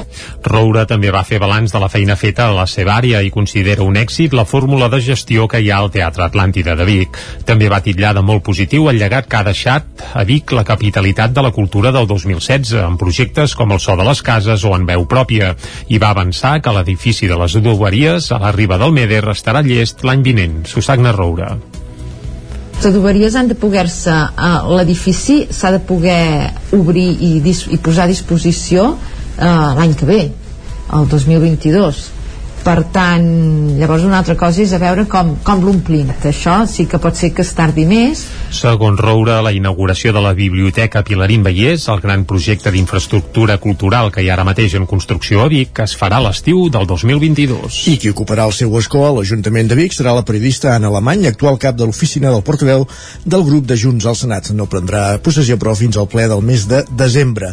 Més qüestions. El Partit Socialista de Cardedeu va organitzar dissabte un dinar amb membres locals i externs del partit a la Tèxtil Race, Núria Lázaro, de Ràdio Televisió de Cardedeu. Migas Rojas és el nom de l'acte que ha organitzat el Partit Socialista a Cardedeu aquest dissabte, el primer acte que organitzen durant aquest any i mig de pandèmia. La intenció principal d'aquesta jornada ha estat la de retrobar-se amb els militants del poble i alhora poder apropar-se nous a través d'un plat tan típic com les migues. Víctor Serrano, secretari del PSC a Cardedeu. Sí que hem tingut contacte durant la pandèmia online i hem, petit, hem fet petites reunions, però uh, sí que ja volem trobar-nos tots junts, eh, parlar i intentar agafar idees per treballar tots junts i juntes per fer un Cardeu millor. Durant el matí s'han fet parlaments on han tractat temes de caire nacional i local, com els pressupostos de les obres de la Tèxtil Race. L'acte ha comptat també amb la presència de la Joventut Socialista de Catalunya i amb l'Alicia Romero, portaveu del PSC al Parlament a comentar l'actualitat política que ha canviat molt en els últims temps. Els socialistes han guanyat les eleccions autonòmiques amb Salvador i al capdavant i crec doncs, que tenim ganes de, ara que queden un any i mig per a les eleccions municipals, doncs, fer un empeny, un impuls i intentar doncs, que això ens serveixi eh, per millorar els resultats a, a pobles eh, i ciutats de Catalunya com pot ser Cardedeu. L'acte ha acabat amb unes migues gratuïtes per a tot el públic. Troben en una nau de Vic unes lloses que van robar el mes de juliol en una resclosa de Taradell. L'Ajuntament de Taradell ha recuperat les quatre lloses que van desaparèixer a l'estiu de la llera del riu Gurri a la resclosa del Molí del Sort, situat entre els termes municipals de Taradell i Ceba. Les lloses es van localitzar la setmana passada en una nau del polígon Malloles de Vic. Arran de la troballa es va denunciar un veí de Vic de 43 anys, propietari de la nau on es van trobar les lloses com a presumpte autor del robatori. El mateix home ja se l'havia detingut com a presumpte autor d'un furt d'un remolc al desembre de 2016 a Mollà. Les pedres robades feien més de 700 quilos cadascuna i la seva desaparició ja s'havia denunciat a finals del mes de juliol. Les lloses, a més, estaven en procés de ser reconegudes com a patrimoni històric i també de ser restaurades. El Mas Canilla de Llanàs guanya tres categories i fa tres podis més al concurs de cavall pirinenc català del Ripollès. Isaac Muntades, des de la veu de Sant Joan. Després d'un any de parèntesi per l'arribada de la Covid-19, Llanàs va poder acollir la desena edició del concurs morfològic comarcal del cavall pirinenc català, que enguany es va canviar d'ubicació després d'haver-se fet sempre al Camp de Toro. La zona esportiva va ser el nou escenari del certamen, un espai que el president de l'Associació de Criadors d'Euga de Muntanya del Ripollès i de la Federació del Cavall Pirinenc Català, Joan Moret, va qualificar de més segur, ja que no quedava tan obert si s'escapava un cavall, tot i que amb menys sol. El desè aniversari del concurs va comptar amb la participació de 52 cavalls, dels quals hi havia 41 exemplars de la raça CPC i 11 pollins de 14 explotacions diferents. El gran triomfador va ser precisament el Mas Canilla de Llanàs de Joan Moret, que va vèncer en la categoria del millor semental amb el cavall Gascon, la de Sobrany amb l'estelada de la Coromina i la de millor terçona amb la Perica. A més va obtenir un segon lloc en Sobranyes i un tercer lloc en Sobranys i Terçones. En Sobranyes va guanyar la Quione de Marissa Buixeda de Mas Canilla de Molló i la millor parella va ser de Jordi Soler i Jordi Corcó i de la Coromina de Molló. Moret i Josep Ginesta, un dels tres jutges del concurs que van venir de la Cerdanya, van explicar quines característiques es valoren més. I els colors més valorats són a l'asà, que l'asà és marró amb tot un magicolor, amb la clina una mica clara, però tot més marró, el castany, que és marró amb, el, amb la clina i la cua negra, i els negres. Aquests són els més valorats, però hi entra el peixard, eh, els tordos, els isabels. Després el que es mira més és la morfologia de l'animal, és que sigui molt rodó, que tingui una molt bona grupa, que estigui ben aplomat, que, que no tingui les cames massa rectes ni massa corbades, que, que, que trepitgi bé, que tingui un bon casco. A part de l'aspecte general, doncs hem de mirar sobretot a ploms, perquè són animals que la seva feina antigament era el treball en els camps, i llavors doncs, els aploms era la part més important, ja que sense un bons aploms el cavall no tenia durada i patia molt. I llavors a partir d'aquí pues, que tingui una bona estructura, un bon cos, un bon coll, un bon cap, una bona grupa. El 90% d'aquests animals es crien per acabar l'escorxador, ja que la carn de poltre és de les més saludables que hi ha. I l'altre és la seva composició del greix. El greix és linolènic, és, és un greix oliós, porta molt omega-3, porta molt de vitamina B12, porta molt de ferro, uns tant percents que cap carn si, ni s'hi acosta. Vull dir, l'omega-3 que porta un podro, el més baix de tots porta 7-8 vegades més omega-3 que qualsevol altra carn. I quan baixen de la muntanya, que és quan venen més carregats, porten fins a 10 i 12 vegades més omega-3. Si això es combina amb el fet que els animals estan amb les seves mares pasturant uns 6 o 7 mesos a alta muntanya, permet que la carn sigui d'alta qualitat. Ara tots els cavalls guanyadors participaran al concurs nacional que es farà els dies 20 i 21 de novembre a l'Alta Ribagorça. Èxit del Festival El Test de Santa Maria d'Oló. La mostra de teatre i arts escèniques de petit format ha ampliat el nombre de representacions en la primera edició des de l'inici de la pandèmia. Caral Campàs, des d'Ona Codinenca.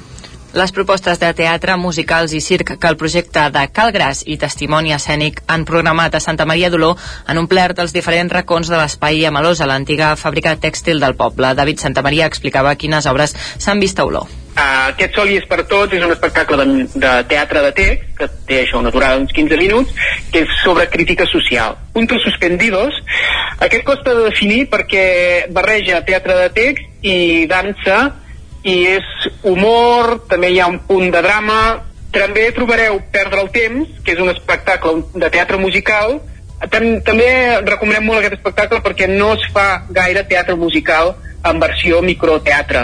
Aquestes obres, conjuntament amb altres propostes de, de petit format, visitaran altres municipis de la Catalunya central, com Sallent, Cabrianes o Gironella, durant el mes de novembre. La major part dels municipis també han apostat per ampliar el nombre d'obres programades. Sí, mira, aquest any justament Oló eh, aposta per fer quatre espectacles. Cada any en feia tres i aquest any s'ha atrevit ja a, a, a, programar-ne un mes. Això ens hi hem trobat ja en varis, en varis municipis que aquest any hem volgut també programar ja fer un pas endavant i programar un quart les obres del test són de petit format, duren uns 15 o 20 minuts i es representen davant de petits eh, grups reduïts d'espectadors. A Oló s'han fet tres passis consecutius durant aquesta tarda de diumenge.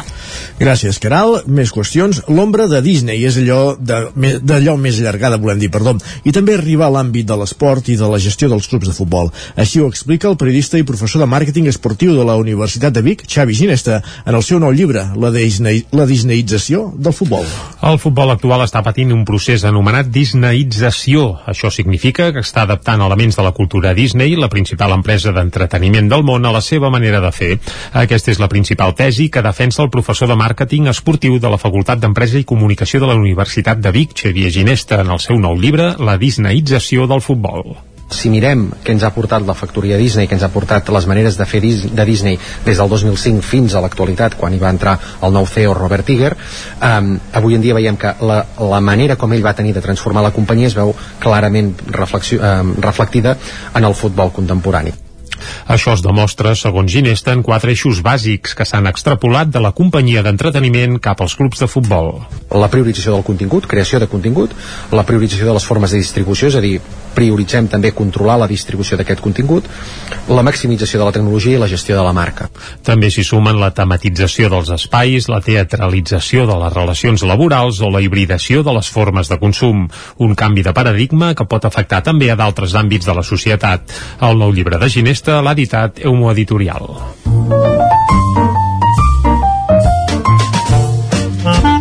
Casa Terradellos us ofereix el temps.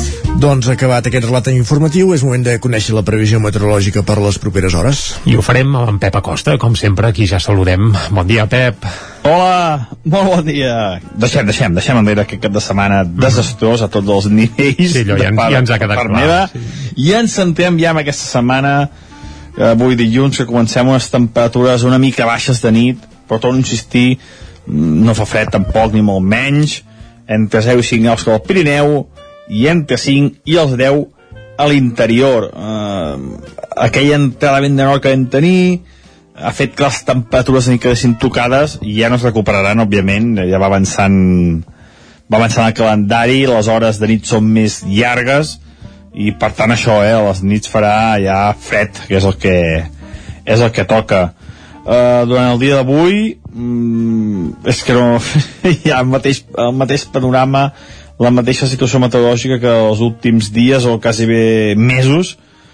Uh, molts pocs canvis uh, anticicló uh, sol només alguna nuvolada i a destacar poder que hi ha alguna boira més ara a primeres hores del matí.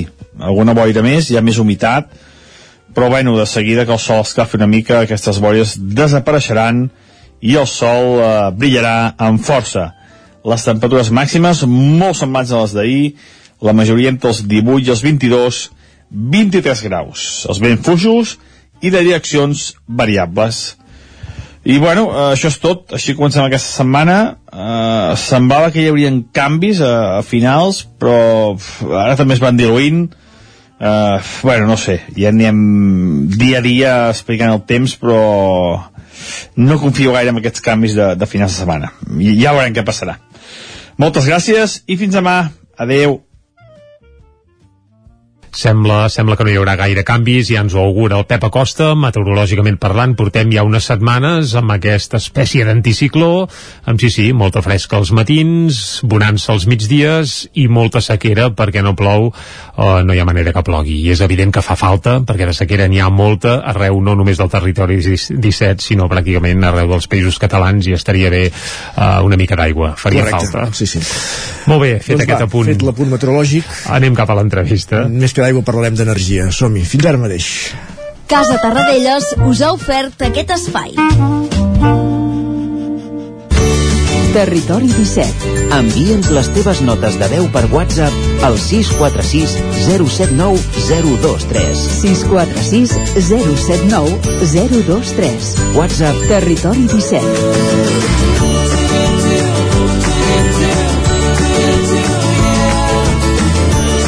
Territori 17. Som a Facebook, Twitter i Instagram amb l'usuari Territori 17.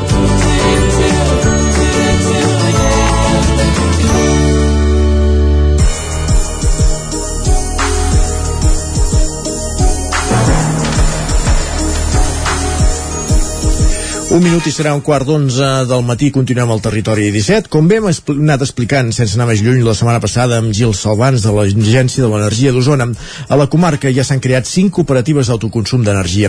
Un cop constituïdes, el següent pas és començar a funcionar i amb aquesta finalitat l'Ajuntament de Sant Pere de Torelló va presentar ahir els objectius i les primeres accions contemplades de COSPAS, la cooperativa creada en aquest municipi. En parlem tot seguit amb el regidor de Transició Energètica i Medi Ambient, Hermen Llobet. Bon dia. Hola, bon dia a tothom. Bon dia. Primer de tot, felicitar-vos perquè la presentació d'ahir va ser tot un èxit. De, la resposta de públic va ser notòria, diguéssim, no? Es va, es va omplir l'embalat, pràcticament. Doncs sí, sí, i tant, i tant. La veritat és que estem en aquest sentit també molt contents perquè la resposta de la gent eh, bueno, va, ser, va ser molt important i, i això en fi, és la base de, de l'èxit de tot el que puguem aportar al darrere. No? Pel que va quedar clar ahir en aquesta presentació, el que fa falta ara són d'una banda cooperativistes, socis, i de l'altra cobertes on instal·lar les plaques fotovoltaiques. Eh, amb quants socis neix la cooperativa i quins són els requisits per formar-ne part d'una banda i quin és l'objectiu òptim de socis en aquesta fase inicial? Eh, um, Diguem-ne la cooperativa neix per engegar bastants projectes. Uh -huh. eh? I, per tant, eh, ahir el que vam fer és presentar el primer projecte que podem en marxa, que és el de teulades solars per autoconsum eh, compartit. Oh? Llavors, clar, eh, com a cooperativa en general, com aquell qui diu que tot el poble siguin sols, perquè hem d'engegar molts de projectes amb reducció de CO2 Uh, Hermen Lluet, fem, fem una cosa, parem un moment l'entrevista aquí perquè tenim molts problemes de, de recepció. Uh, parlem per línia interna si podem comunicar-nos mitjançant una línia telefònica més fiable. Un moment, si plau. Doncs estem conversant amb el regidor de Sant Pere de Torelló, el regidor de Transició Energètica, Hermen Llobet. Ara mateix teníem uns quants problemes eh, per entendre'l, uns quants problemes de cobertura. Procurarem solucionar-los i de seguida parlarem de nou amb ell per conèixer tots els detalls d'aquesta iniciativa que s'ha impulsat a Sant Pere de Torelló, aquest municipi usonenc de la Vall del Gès, on s'ha iniciat els tràmits per en, impulsar una cooperativa eh, energètica. Sembla que ara sí que el tenim, Isaac, de nou, eh? Sí, correcte. Uh, Hermes ens explicava que aquest, el, el tema de, la, de les de les, de les cobertes fotovoltaiques, perdona, no sortia la paraula coberta, és una de les primeres accions, un dels primers projectes d'aquesta cooperativa. Exacte, si em preguntaves uh, doncs, uh, quanta gent necessitarien, quanta gent hi hauria d'haver i, i, i a distingir una mica doncs, a, a nivell de cooperativa, donat que volem engegar i hem d'engegar diferents projectes, però també accions més de sensibilització, de, de participació ciutadana, d'accions eh, complementàries, de compra conjunta, etc etc. doncs eh, idealment hi hauria de ser tot el poble. Eh? Eh, ara, a nivell d'aquest projecte en concret de cobertes, nosaltres ens hem posat ens hem posat eh, doncs, un objectiu d'instal·lar eh, en, a través de, de, de les cobertes municipals i també de cobertes privades en règim, diguem-ne, de lloguer des de la cooperativa, uns 750 quilowatts. I això vol dir que necessitem, com a mínim, eh, doncs unes 300 famílies i unes quantes eh, empreses o, o petits tallers, eh, a més a més de tots els consums eh, eh, de l'Ajuntament, per poder, diguem-ne, omplir i, i justificar aquests eh, quilowatts amb, amb autoconsum directe. Eh? Uh -huh. I estem parlant, evidentment, sempre de, de primeres fases que comencem ara i que en el futur s'hauran d'anar desenvolupant i ampliant. Uh -huh. Uh, aquesta sessió de cobertes amb, amb quines condicions es fan, diguéssim, entenem que, que, que el qui la cedeixi té uns avantatges aleshores, no? diguéssim, amb tot el que fa l'àmbit de, la, de la relació econòmica amb la cooperativa?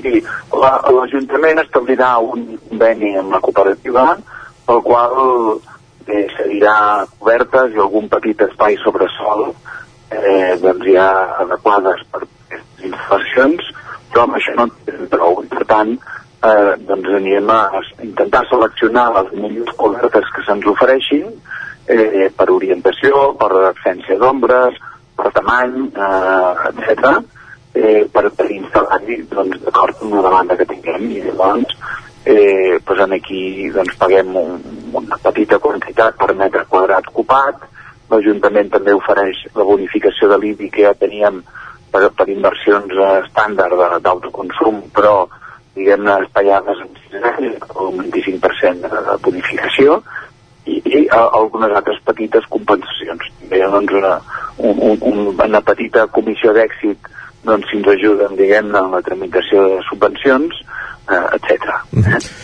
Aquestes cobertes fotovoltaiques són per generar energia diurna, perquè el que per ara no es contempla és que l'energia es pugui acumular. Entenem que diguéssim, aquesta energia es genera i es consumeix al mateix moment, oi? És aquest el plantejament? Sí, exactament.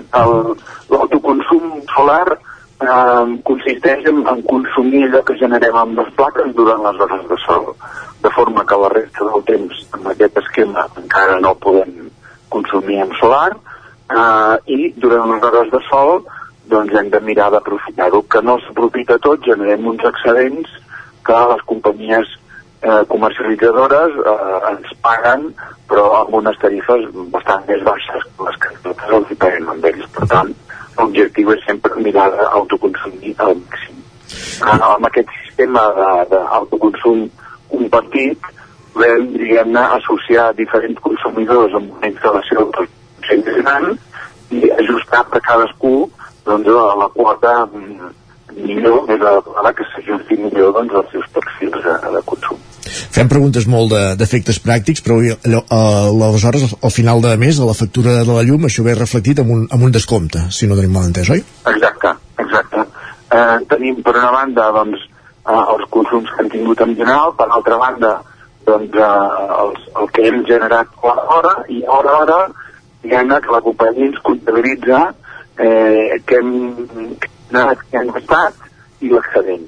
Mm. I els excedents se sumen a, a partir de, diguem-ne, de balanços horaris. Abans parlava de generar 750 quilowatts, això segurament amb, amb cobertes no, potser no s'hi arriba. Farà falta algun, algun petit parc o més d'un eh, a l'entorn de, de, del municipi?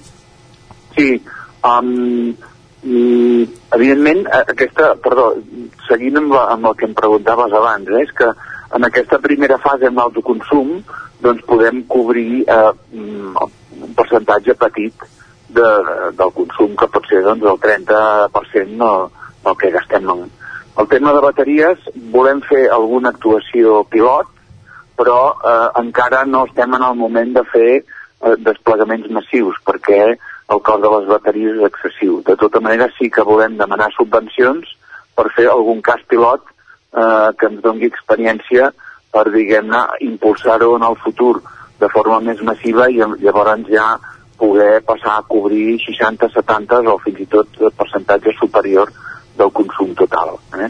Ara, que eh, amb tot això encara no n'hi ha prou, és veritat. Eh, eh, I per tant, doncs tenim previst també, estem començant a impulsar doncs, un parc fotovoltaic de, de, de 4 o 5 megawatts, que seria una iniciativa conjunta de la cooperativa i l'Ajuntament, um, i, i amb això, doncs, de moment ho hem de vendre com si fossin excedents, però uh, a mitjà termini també esperem que les regulacions uh, millorin i que puguem fer també autoconsum amb això, acumular-lo, etc. I per altra banda, doncs, tenim també un projecte um, que de moment és a banda de la cooperativa, que és de cobertes fotovoltaiques en el polígon, i aquí esperem poder arribar doncs, a, uns 2.000 quilowatts, és a dir, a uns 2 megawatts també de, de capacitat instal·lada. Són molts els projectes que, que hem de mm, posar en marxa, també doncs, estem treballant en el següent, que seria de rehabilitació energètica d'habitatges, i és que la, la transició energètica vol, diguem-ne, un esforç ingent per, per reduir doncs, uh, les emissions que tenim. I podem fer coses que ens semblen molt grans però quan fas números, quan fas comptabilitat energètica, això ja n'havíem parlat algun dia en aquí mateix doncs uh, veus que, que, en fi, que l'impacte és el que és i que l'impacte ha d'arribar a ser doncs, uh, un dia del 100%, és a dir, eliminar aquestes emissions de CO2. Ha, ha fet esment d'aquest projecte paral·lel de, de, la, de les cobertes de, del polígon.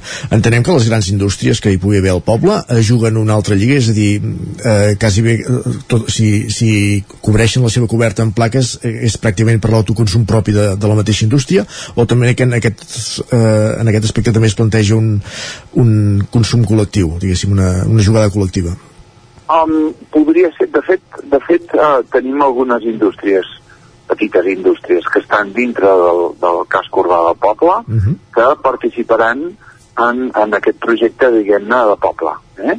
Uh, uh, no descarto que n'hi hagi algunes també en el polígon que potser acabin entrant-hi per proximitat. Aquí tenim un factor limitant que és la distància, que és que la regulació actual només et permet fer consum, uh, perdó, uh, autoconsum compartit dintre de, de radis de 500 metres. Eh?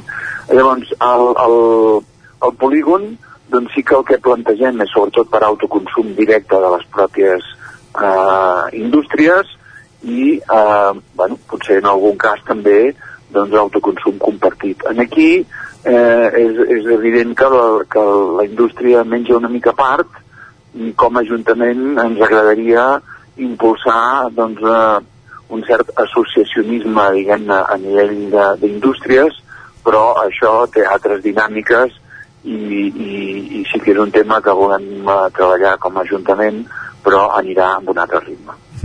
Ja per últim, ràpidament eh, donar-se d'alta un usuari a la, a la cooperativa si no tenim mal entès són, són 100 euros eh, estimeu que per començar a funcionar l'ideal seria arribar eh, ob- obtenir 300, 300 socis amb quin període de temps estimeu arribar més o menys a aquest objectiu? Bueno, jo crec que és una qüestió ara de començar campanyes ja més específiques, també algunes reunions amb alguns barris. Um, jo crec que estem parlant, diguem-ne, de, de pocs mesos. Entre tant, uh, en funció de la resposta que anem veient, doncs també estem preparant uh, alguns expedients de subvenció que um, ens poden ajudar doncs, a, a fer encara més viable el projecte, però també reforçar una mica i capitalitzar la cooperativa.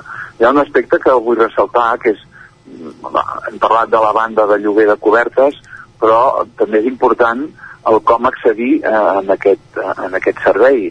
Eh, I en aquí, per evitar barreres, diguem-ne, doncs eh, el, el que diem és que el servei és gratuït, per tant, ningú, a, a banda dels 100 euros de la cooperativa, no s'ha de fer cap inversió per aquestes inversions, eh, o sigui, per aquestes instal·lacions, la inversió la fa la cooperativa, i oferim, diguem-ne, la compra d'energia eh, amb un descompte que ens di- en diríem brut d'aproximadament un 40% respecte als preus actuals, no actuals de la bombolla d'aquest estiu, però sí de principis d'aquest any, de lo que és l'energia elèctrica durant les hores de, de radiació solar. Per tant, doncs la gent no ha de fer inversions eh, i en canvi eh, té un benefici ja molt important des del primer dia. Un cop estiguin amortitzades aquestes instal·lacions, ja els costos, diguem-ne, d'aquesta energia que vendrà als seus socis la cooperativa ja seran molt més baixos encara. Herman Llobet, regidor de Transició Energètica de Sant Pere, moltíssimes gràcies, ho hem de deixar aquí. Perfecte, gràcies a Bon, vosaltres. bon dia. Una pausa de 3 minuts i tornem. El nou FM, la ràdio de casa, al 92.8. Ja tens la teva disfressa de Halloween? A Manli tenim les més terrorífiques. Vine a buscar caretes i tots els complements que et calguin per passar una nit de por. Ens trobareu al carrer de Ramon Soler número 1 de Vic i també a manli.cat. A Manli fem de la festa una bogeria. Aquest dijous 28 d'octubre, gran obertura del teu supermercat Lidl a Vic, a la carretera de Sant Hipòlit. Vine i gaudeix d'ofertes increïbles, degusta els nostres productes i participa en el sorteig de 3 minuts d'or per omplir el teu carro de compra gratis. Lidl, marca la diferència. Cobertes serveis funeraris. Els nostres tanatoris estan ubicats en els nuclis urbans més poblats de la comarca d'Osona per oferir un millor servei. Tanatori de Vic, Tanatori de Manlleu, Tanatori de Centelles i Tanatori de Roda de Ter. Sabem que són moments difícils i per això el nostre compromís és atendre-us en tot moment amb un tracte humà, sensible i respectuós. Cobertes serveis funeraris. Telèfon 24 hores 93 883 23 46. Això és el que s'escolta al voltant d'una caldera saunia d'Oval. Tranquilitat i benestar, perquè gaudeix del millor manteniment del servei tècnic oficial per estar despreocupat. O el que vulgui. Informis a Oficiat Nord trucant al 938860040. Saunia d'Oval, sempre al seu costat. Quan arriba la nit de Tots Sants, les bruixes tornen a Viladrau. Des de 1997, el 31 d'octubre arriba al Ball de Bruixes, un espectacle de carrer teatralitzat amb música, dansa, llum i foc en què 14 dones de Viladrau es reuneixen per celebrar la seva última junta abans de ser condemnades i executades. Aquest any, doble representació a les 9 i a dos quarts d'onze del vespre. Reserva ja la teva entrada i vine a commemorar la persecució de les bruixes. El 31 d'octubre, 24è Ball de Bruixes de Viladrau. Consulta totes les activitats a viladrau.cat. Cocodril Club. Si t'agrada la bona música dels anys 60, 70 i 80, escolta el 9 FM als matins de dissabtes i diumenges d'11 a 1. És el temps del Cocodril Club, tot un clàssic de la ràdio, amb les bases del pop-rock, les llegendes, les cançons que s'han convertit en autèntics himnes. Recorda, dissabtes i diumenges al matí, d'11 a 1, al 9 FM 92.8. Cocodril Club, el programa revival de l'Albert Malla. Hasta luego, cocodrilo.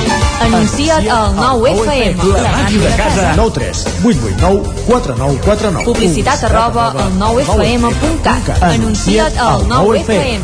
La publicitat més eficaç. El 9 FM, el 9 FM, el 9 FM, el 9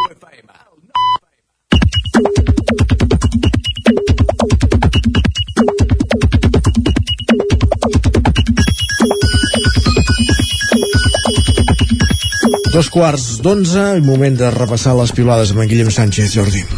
Ja el tenim aquí, en Guillem.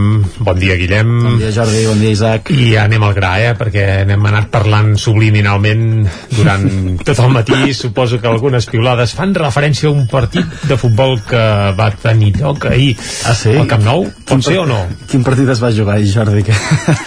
Bé, jo no el vaig pas veure, però el vaig seguir una mica de, així Sí, de gairell i crec que era un partit entre el Barça i el Madrid, pot ser? Podria ser, podria ser. I de fet, com deies, eh, a Twitter tant abans com després del, del partit les reaccions no es van fer esperar. Per exemple, les de l'Oriol Foix, que diu Pensava que no m'importava aquest Barça, però estic molt nerviós per al clàssic. En Nacho afegia el clàssic d'avui consistia a veure qui està més fotut dels dos equips, mentre algú es preguntava també què fa el Luc de Jong jugant aquest clàssic. De fet, suposo que molts aficionats des- després del, partit es, es van fer preguntes al voltant de- d'alguns jugadors i d'algunes eh, capacitats que, que tenen també perquè en algun moment va ser una mica esperpèntic. Bé, de tota manera, per molt que les, els aficionats que es preguntin el que vulguin, però quan acabi el partit, si us plau, que no es dediquin a anar a empaitar jugadors i Això sí, això sí, almenys, sobretot, eh, això sí.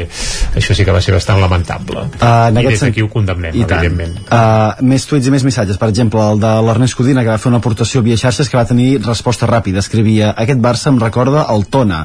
I, de fet, diferents usuaris li van deixar comentaris com el mateix president del, del club, en Joaquim Carandell, que deia, diu, veig que fa temps que no veus el Tona. Té tota la raó, perquè l'any passat el Tona va fer una temporada esplèndida, va estar a punt de pujar a tercera divisió, una cosa que hagués set vaja, gairebé inaudita, i, i aquest any, déu nhi tampoc han començat malament. De seguida repassarem com, el, com hi ha anat el cap de setmana per això, perquè ara mateix no ho tinc al cap, però vaja. Crec que va ser una victòria per, per 5 a 4, diria. Imagina't, quin, Imagina't. això sí que és espectacle, Sí que és 5 a espectacle, 4, sí. mare meva. I de fet amb aquest uh, tuit de l'Ernest Codina encara hi havia algun missatge més amb algun altre jugador que em sembla que, bueno, jo recomanaria a la gent que busqués el missatge i que, i que ho llegís perquè em sembla que comença una mica amb to irònic però acaba amb una mica de mala bava i tot. Per tant, recomanem a la gent que si, si ho vol seguir que, que ho trobi per allà. Doncs vinga. Llavors, per acabar amb el tema del clàssic, dues reflexions més. La primera, la que fa el nostre company l'Agustí Danés que diu abans a casa quan perdia el Barça no sopàvem i si era contra el Madrid ni agafàvem el son ara perdre gairebé forma part de la quotidianitat la desconnexió entre l'equip i l'afició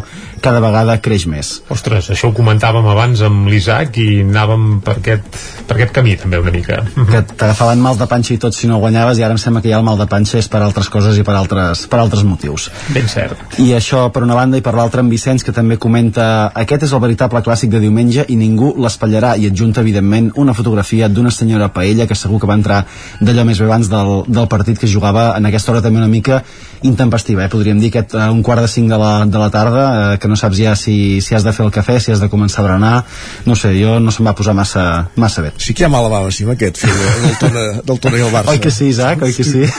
Ara, ara l'ha pescat l'Isaac, eh? primer, el primer que respon és el president, Joaquim Carandell. Veig que fa temps que no veus el Tona. I darrere en Marc Francolí, jugador, diu et volíem proposar venir a- un dia entrenar, però ja no, però no estàs gens en forma i quan jugaves de porter no paraves ni les del principi de l'escalfament.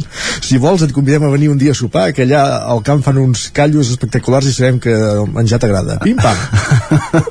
i em sé que encara continua, Continua, per tant continua, sí, sí. deixarem a la gent que també també segueixi per allà i canviant de tema, també ha tingut eh, revolada una mica l'estrena del primer capítol de la tercera temporada dels Brico Heroes amb en Peyu i amb en Jair eh, de fet ha portat controvèrsia perquè segons van posar a Twitter el mateix compte oficial d'en Peyu explicaven que TV3 els va censurar un fragment d'aquest mateix primer Primer capítol. En aquest sentit, en Xavi diu sempre a l'equip d'en Peyu i en Jair perquè era contingut irreverent en català i sobretot per la valentia de dir les coses pel seu nom en aquest país que mai, s'aixeca la veu per por a fer enfadar els de dalt o veure perillar contractes i la Núria també se suma a aquesta reivindicació dient sempre a favor dels qui com en Peio i en Jair incomoden a les altes esferes del poder.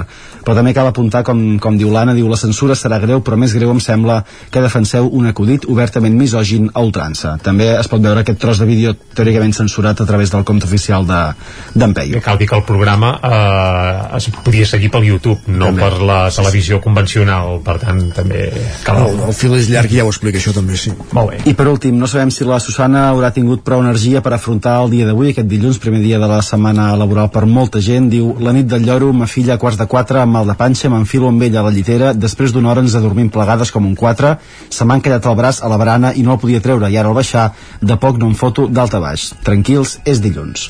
Doncs li desitgem un bon dilluns i una bona setmana a la Susana i a tots els aficionats del, del Barça, del Madrid i del Tona. I una bona recuperació a la seva filla. Ja que hem fet esment al fil, diguem que el fil acaba bé, acaba bé, eh? acaba que queden per sopar. Sí, però jo no sé si és eh, amb bon rotllo o és amb mal rotllo, Isaac. Jo Però ja... queden per sopar.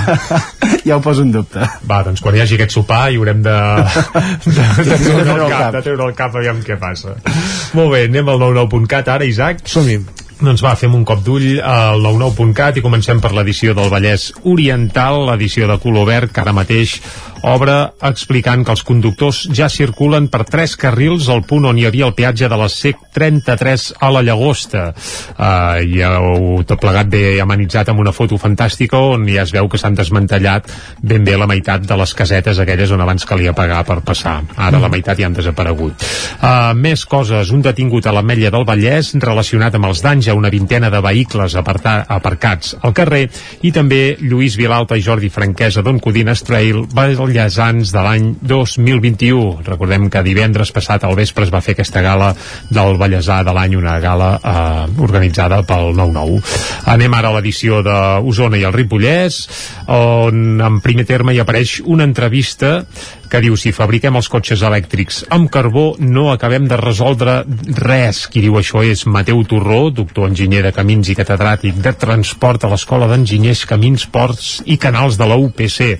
Uh, tot plegat ho va dir el programa i bona lletra del nou TV ara fa uns quants dies. Què més apareix a la portada del 99.cat d'Osona i el Ripollès? Doncs que 20 anys de batecs teatrals i això ve a fer referència que Corsia Teatre celebra 20 anys i que l'AFMO crea unes baldufes solidàries per recaptar diners contra les malalties mentals. Això apareix ara mateix al 99.cat. Perfecte, moltíssimes gràcies. Anem a la taula de redacció.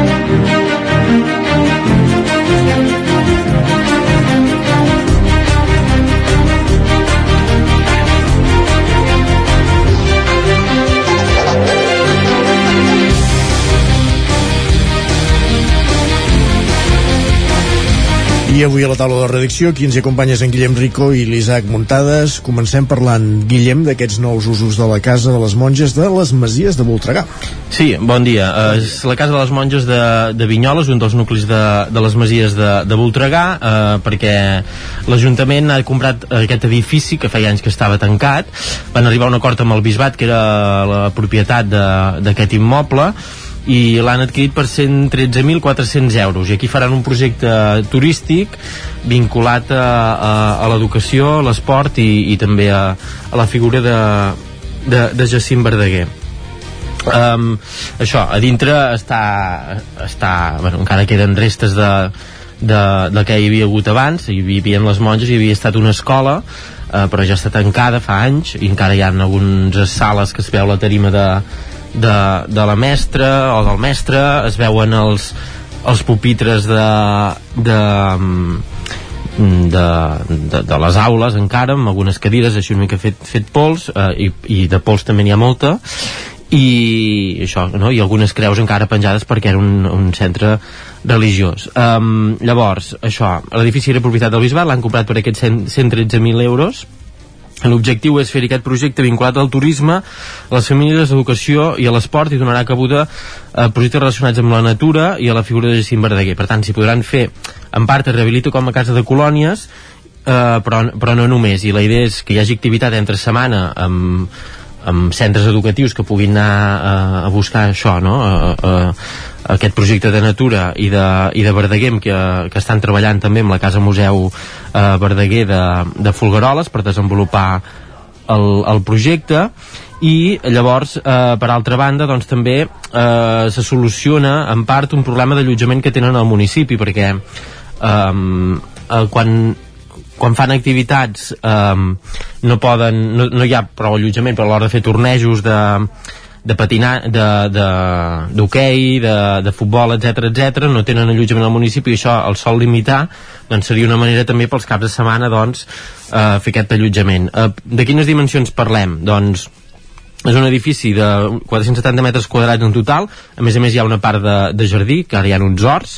Eh, i llavors hi haurà en una planta la, la part de cuina, menjador, rebost i una sala polivalent i a dalt hi haurà les habitacions que es, on s'hi podran allotjar una cinquantena de, de persones. I llavors això permetrà això, fer aquests campus, etc etc doncs eh, per, per tenir aquest allotjament. Tot plegat el projecte a banda de, de la compra el projecte, perquè clar, l'edifici eh, s'ha de, de rehabilitar i, i tot plegat doncs valdrà entre calculen, ara s'està redactant el projecte però calculen que entre 420.000 i mig milió d'euros que és un dels grans projectes d'aquest mandat a les Masies que s'han darrerit a causa de, de la Covid eh, i que de fet explicava l'alcaldessa Verònica Ruiz doncs que el seu predecessor ja Sergi Vilamala ja, ja ho tenia en ment quan va entrar l'Ajuntament, però sí que van prioritzar altres projectes educatius eh, com la, la creació de l'Institut o de l'Escola de, de Vinyoles i que per tant doncs això havia anat quedant en un segon pla i ara ja tenen desenvolupat tota la part que,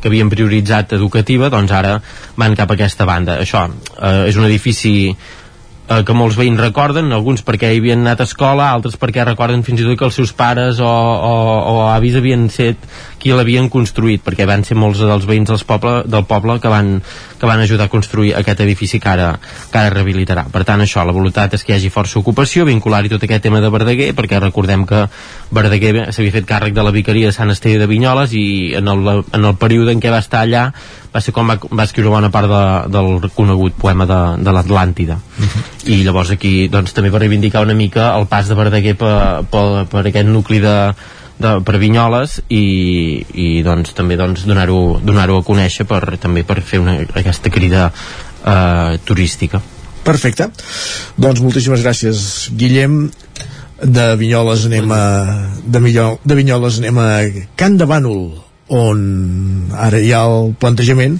de si s'ha de tornar a obrir o no el trànsit al carrer Puigmal Isaac Montades, bon dia Bon dia, Isaac. Doncs sí, és un carrer molt cèntric que, que està situat a davant de, de les escoles i que quan es van inaugurar les noves escoles l'any 2019, a l'abril d'aquell any, es va decidir doncs, tancar-lo al trànsit, no? perquè es va demanar un estudi a una empresa que va determinar doncs, que eh, per la seguretat, sobretot de, dels infants, doncs era millor doncs, eh, tallar sobretot aquell tram que va pràcticament eh, del tros que seria del carrer de Diagonal fins al Damià de la Farga, que això aproximadament estaríem parlant de, de no més de, de 100 metres, eh, pràcticament, i es va decidir doncs, tallar. Això feia que els vehicles doncs, eh, per, per haver d'anar fins al barri del Roser o, o per anar fins al pont diguéssim de davant de, de confort s'haguessin de donar una mica de volta i, i realment sí que complicava la, la circulació en, en, aquell, en aquell espai. De fet, hi havia alguns uh, vehicles que feien uh, doncs, uh, maniobres perilloses, com passar per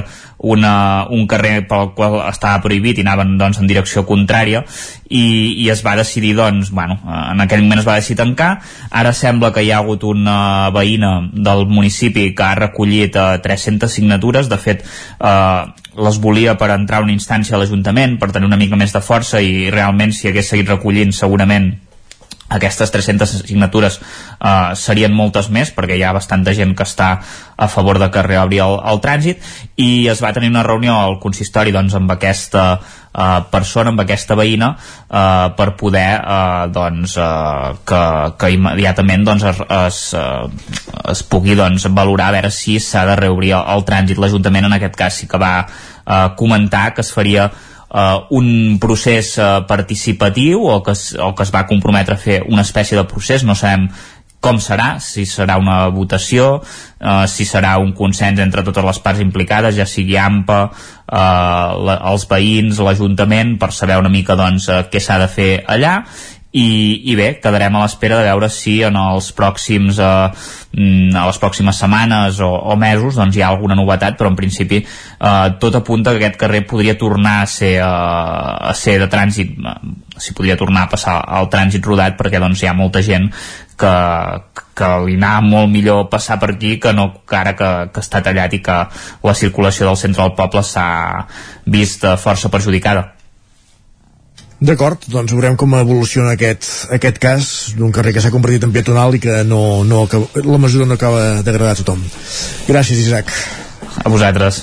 Parlem tot seguit amb el, amb el repàs esportiu del cap de setmana, al qual accedim tot seguit després d'aquesta taula de redacció.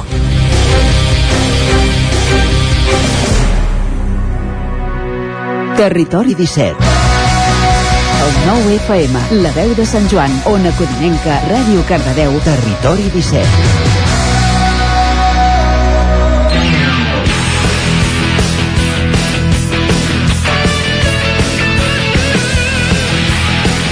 Ara mateix, tres quarts en punt d'onze del matí. Al territori 17, moment de saber que, com ha anat la jornada esportiva del cap de setmana pels principals equips dels nostres territoris. I ho fem eh, en aquesta roda que fem per les diferents redaccions que conformen el territori 17. Comencem pels estudis de Ràdio Cardedeu amb l'Òscar Muñoz. Bon dia, Òscar. Bon dia. Com estem? Com ha anat això? Com comença la setmana? Doncs amb bones, bones sensacions. Així m'agrada. Almenys amb el futbol. sí, i eh, diem això perquè portem una sorpresa del primer equip del Cardedeu eh, situat a la segona catalana eh, en aquest cap de setmana va guanyar per 1 a 2 això va ser dissabte a la tarda el, contra l'Argentona. Uh -huh. Els gols doncs, van arribar a la segona part, al minut 64 i, i 81, i doncs l'Argentona faria l'últim gol al minut 89 intentant remuntar el partit però no va tenir aquesta sort eh, eh, diem que doncs, això és sort perquè el Cardedeu doncs, portava portava una, una dinàmica no, no massa exacta, no massa bona. I així que eh, ara mateix l'Argentona perd una posició i es queda a la quarta posició i el Cardedeu puja fins la sisena la millor posició de la Lliga fins, fins ara. Molt bé. On també portem victòria és amb el filial que també va guanyar aquest cap de setmana per 5 gols a 2 carai, tu quin far de fer gols més...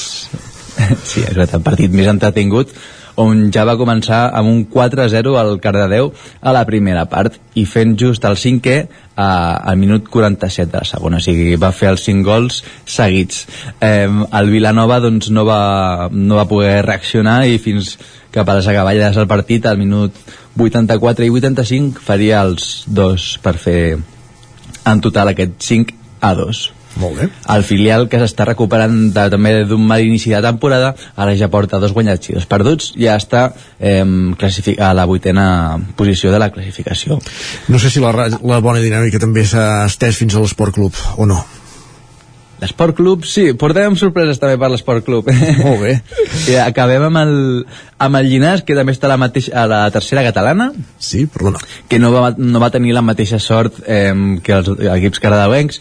Eh, es desplaçava cap a Palau Tordera i va perdre per 4 gols a 2, tot i que va començar a fer un gol ràpid al minut 5 ara Perfecte. mateix van 200 d'aquesta tercera catalana molt bé i acabem això amb l'Esport Club amb, amb aquest, en aquesta tercera que estan situats i va guanyar per la mínima per un gol a 0 contra el Sant Andreu al minut 69 i deixant doncs, l'última posició per anar a la 14a doncs vinga, un, un, canvi de, un cap de setmana Esport Club cap de setmana amb canvi Aquest. de dinàmiques en el futbol tant de Cardedeu com de Llinàs no Llinàs no, però Cardedeu i, i Granollers i que esperem que aquesta nova dinàmica continuï les properes jornades anem a l'embol?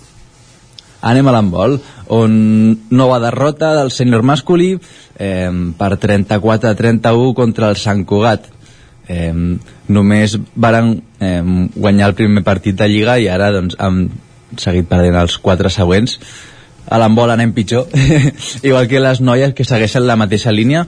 Eh, també van perdre per 34 a 26 contra les franqueses. O sigui dues derrotes a l'embol al contrari que eh, amb l'embol granollers que ens porten dues victòries tant les noies del CAC 7 eh, a la Lliga Guerreres com el Franking a la Soval eh, acabarem amb aquests dos resultats. Uh -huh. amb la victòria de les noies contra el Lanzarote eh, últim classificat de la Lliga per 22 a 25 eh, les noies del Granollers es mantenen a la vuitena posició i eh, les, eh, la segona victòria del Franking que va guanyar contra la de Mar de León per 32 a 41 un Franking que ara puja posicions i es troba a la tercera posició de la Lliga Sobal Perfecte, doncs moltes gràcies Òscar per aquest repàs que acabi d'anar bé aquest dilluns. Bon dia.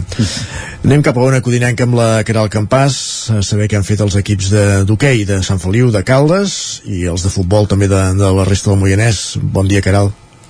Bon dia, doncs mireu, us porto molt bones notícies. Carai, tu, però quina uh... ratxa, aquest dilluns, com comencem bé. Sí, mireu, el, el rec amb les Arcaldes, el primer equip d'Alcaldes, ja ho vaticinaves divendres, Isaac, eh, ja ho apuntaves que Alcaldes podia aconseguir els primers punts, doncs ho ha fet, no?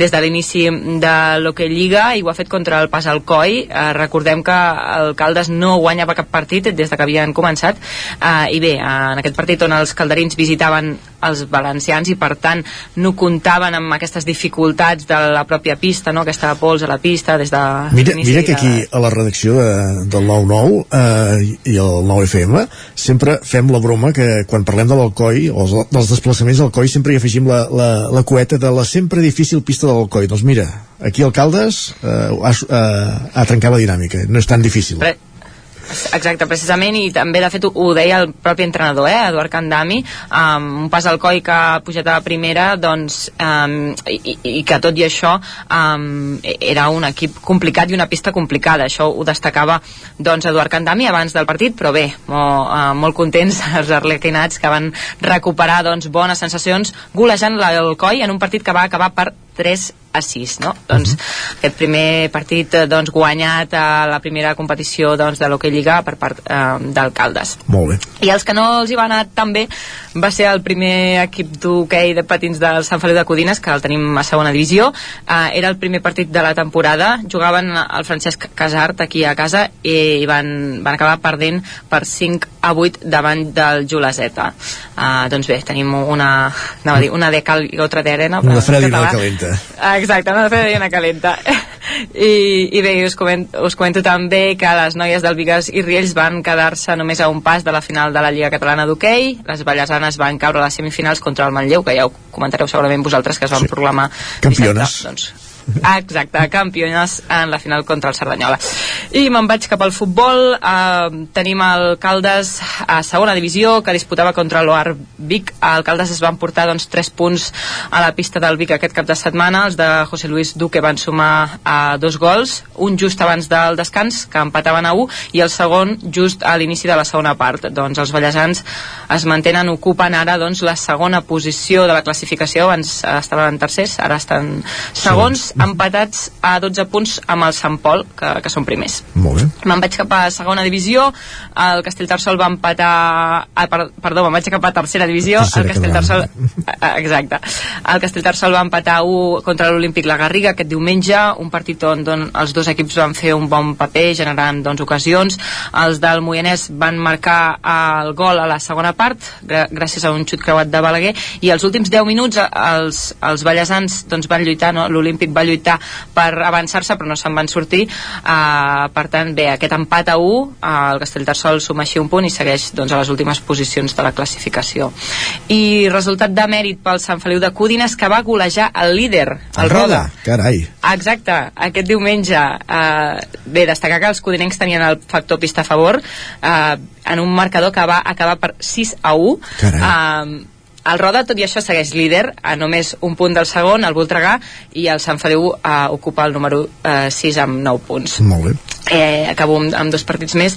El Mollà es va imposar davant el Sant Vicenç de Torelló per 1 a 2, doncs, un, un partit que es disputava a la pista dels usonencs. Primer van marcar els locals, però a la represa els visitants van aconseguir l'empat i quan millor estaven jugant els de casa, eh, una contra visitant doncs, va agafar per sorpresa i per desprevinguts a la defensa i van acabar doncs, amb aquest marcador 1 a 2.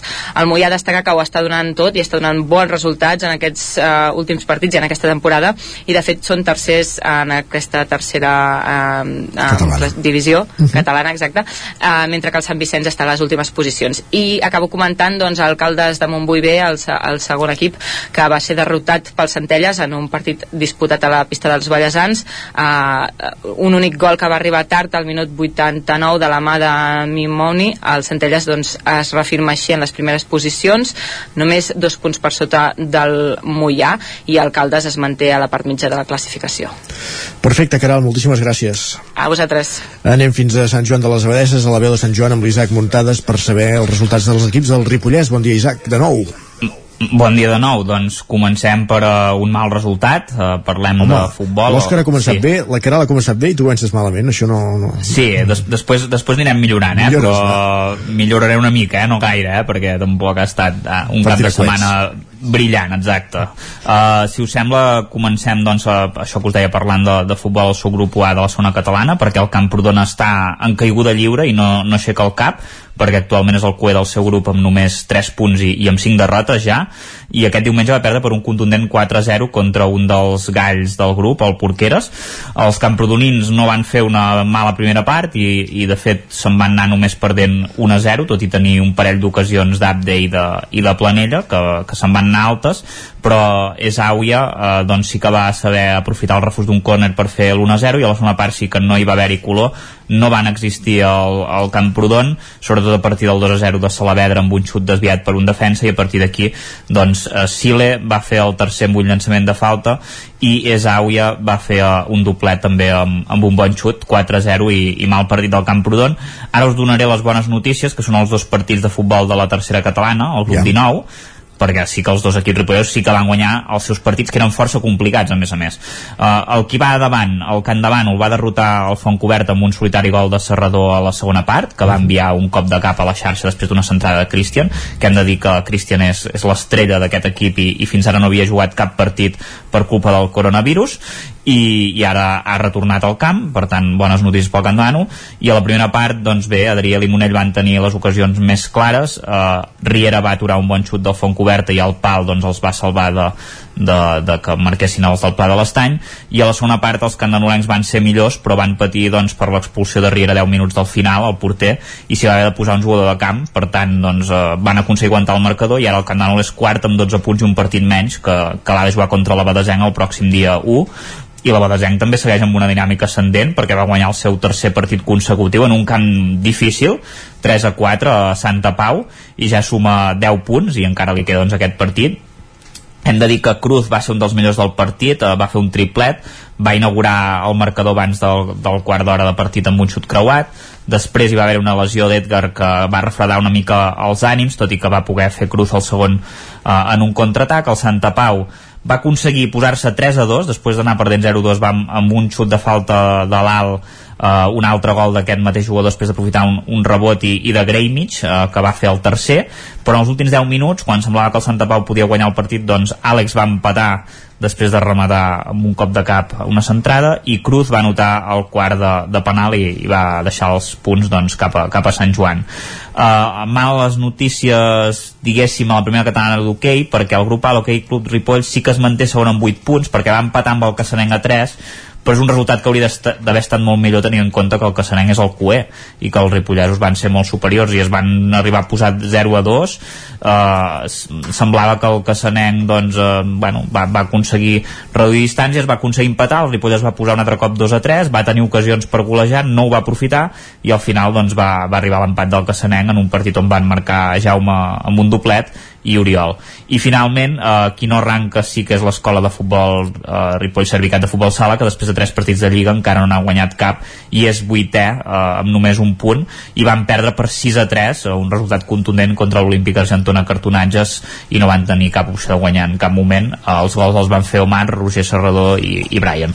Doncs ja si trenquem dinàmiques, perquè com havies apuntat ja setmanes enrere, a Europa la cosa va anar bastant més bé. Va anar bastant més bé, sí, sí. Molt bé. Gràcies, Isaac. Parlem després de la tertúlia. Fins ara. Adeu. I acabem aquest repàs als estudis del 9FM amb l'Ester Rovira des del 9FM per saber el, què ha passat eh, esportivament parlant des del punt de vista usonenc, començant parlant d'hoquei i d'aquest debut europeu de, del Voltregà, entenc. Bon dia, doncs sí, comencem per, per aquí, si us sembla. Uh, aquesta, aquest mes de, de novembre l'hoquei Lliga uh, s'aturarà i just abans de, de fer-ho per la disputa d'aquest europeu, uh, doncs aquest cap de setmana també es posava en marxa uh, es posaven en marxa les competicions europees i també la, entre aquestes la Wall Skate Europe Cup que és on uh, torna a competir el, el Voltregà. L'estrena era a domicili, jugaven a Portugal al camp del Sant Joanense i hem de dir que van poder sumar un, un bon empat a 5 gols perquè bon empat uh, bàsicament perquè va arribar al minut 50 de partit uh, sí, sí, el Voltregà. sí, es va posar per davant però van acabar uh, doncs anant a, a remolc i per tant uh, un gol que arriba a l'últim minut i que et suposa puntuar sempre és una bona notícia uh, per tant uh, bé, les coses que comencen bé en aquesta, en aquesta competició uh, però el Voltregà que forma part d'un grup on a banda d'aquest conjunt portuguès també hi ha el Calafell i jugaran doncs, entre ells una, una lligueta. Uh, per tant hi haurà també uh, després uh, partits a, a Sant Hipòlit però bé, uh, en tot cas uh, aquesta estrena uh, a Portugal que va ser podent puntuar. Uh, no hi havia jornada uh, a l'Hockey Lliga per alguns equips sí, però per als que tenien doncs, rivals en competicions europees no, per, de fet per, per això justament el derbi es va jugar dimecres al vespre amb el, amb el Manlleu però sí que n'hi havia l'Hockey Lliga Plata i aquí hem de destacar la golejada del Taradell que va remuntar 1 a 2 en contra eh, en una gran segona part i va acabar guanyant per 6 a 2 un resultat que el situa segon a la classificació empatat a 6 punts amb l'Alpicat i el Vilafranca que ara mateix són els equips que, que lideren la, la classificació uh -huh. i el Club Pativic eh, per la seva banda doncs venia de, de sumar una, una victòria igual que el Taradell en la primera jornada però a casa va patir uh, una ensopegada. Uh, van reaccionar tard davant un Vilafranca que va ser molt superior i van acabar perdent per 2 a 4 això el situa, situa ara els biguetans sisens a la, a la classificació amb 3 punts. I encara no aquell uh, destacar que aquest cap de setmana jugava a la final de la Lliga Catalana Femenina i uh, que el títol va ser usonenc se'l van portar el Martinelli a Manlleu uh, després de guanyar el Cerdanyola per 6 a 5 a la final i ho va fer després de remuntar 1 a 4 eh, contra les Vallesanes eh, per tant, bona manera de, de començar doncs, a preparar l'inici de, de curs al Manlleu, que recordem que aquest cap de setmana també disputarà la primera edició de la Supercopa eh, i llavors ja sí que el següent cap de setmana començarà l'hoquei Lliga Femenina, per tant potser encara hi haurà un altre títol eh, en aquesta pretemporada de les manlleuenques. En el cas del futbol, destacar que el Tona eh, es va retrobar amb la victòria aquest cap de setmana davant l'Atlètic Sant Just en un partit que tenia controlat el descans i el que al final va acabar patint, però bé, finalment un 5 a 4 al marcador eh, que manté els, els tonencs a la part alta de, de la classificació d'aquest grup 2 amb 9 punts eh, que són els mateixos que també tenen el canvi de l'Et i el Sant Boià i que són els que ara mateix hi ha davant. Hi ha hagut canvi eh, no, de, eh, eh, canvis a la classificació. Portem tan poques jornades que els punts fan que una setmana un sigui davant l'altre darrere. La setmana passada va perdre el Tona va guanyar el Manlleu i es va posar davant. Aquesta setmana el Manlleu va perdre eh, a domicili el camp del Sant Cugat per 3 a 1 eh, amb dos gols a l'inici de cada part que van sentenciar l'equip de, de Manel Sala que a més a més va perdre la imbatibilitat perquè Carai. recordem que fins ara havien començat molt bé Uh, i en el cas dels altres dos conjunts el Vic destacar que va golejar el Rubí uh, per 3 a 0 en el seu cas a casa el dia que també presentaven els, els equips per tant una bona tarda al municipal biguetà. Els biguetans que ara són cinquens a la classificació amb 7 punts a 2 de, del Tona que, que forma part d'aquest grup que dèiem uh, a davant de, de tot. I en el cas del Vic Riu primer van sumar també un punt davant un Horta que va ser superior la major part de, del temps van empatar un gol per tant uh, a més a més amb un gol de Sergi Puig que va arribar al minut 93, per tant un punt bo per al Vic Riu primer, que en el seu cas són vuitens a la, a la classificació. Això pel que fa al futbol i destacar du, dues coses més. Uh, una, i és que el Club Bàsquet Vic uh, jugava aquest cap de setmana a casa contra l'Andratx, van anar remolc tot el partit, però van acabar superant els andorrans uh, per només un punt de diferència, 58 a 57, uh, amb un triple i un tir lliure a 24 segons pel final, que van ser els que van donar la victòria als locals, per tant emoció fins al final en aquest enfrontament. I eh, l'altre punt d'interès informatiu del cap de setmana era el Rally Sprint de Sant Julià eh, que va guanyar per setena vegada el biguetà Albert eh, Urriols fent tàndem amb Lluís Pujolà i imposant-se a tots els trams de la prova. Per tant, victòria plàcida, còmoda eh, a casa per al pilot eh, doncs, de la comarca que, que competeix en, en campionat eh, en, en, sí, en el, i, i el d'Espanya a més a més justament s'estava preparant aquí per, per la Copa d'Espanya d'asfalt per tant, bé, anar, anar sumant uh, trams i, i quilòmetres i victòries, no, per ell? Molt bé, important. Moltíssimes gràcies, Esther. Que vagi bé. Vinga, fins ara. I ara uh, passen 4 minuts gairebé del punt de les 11. I això vol dir el Territori 17, un altre repàs informatiu. Territori 17, amb Isaac Moreno i Jordi Sunyer.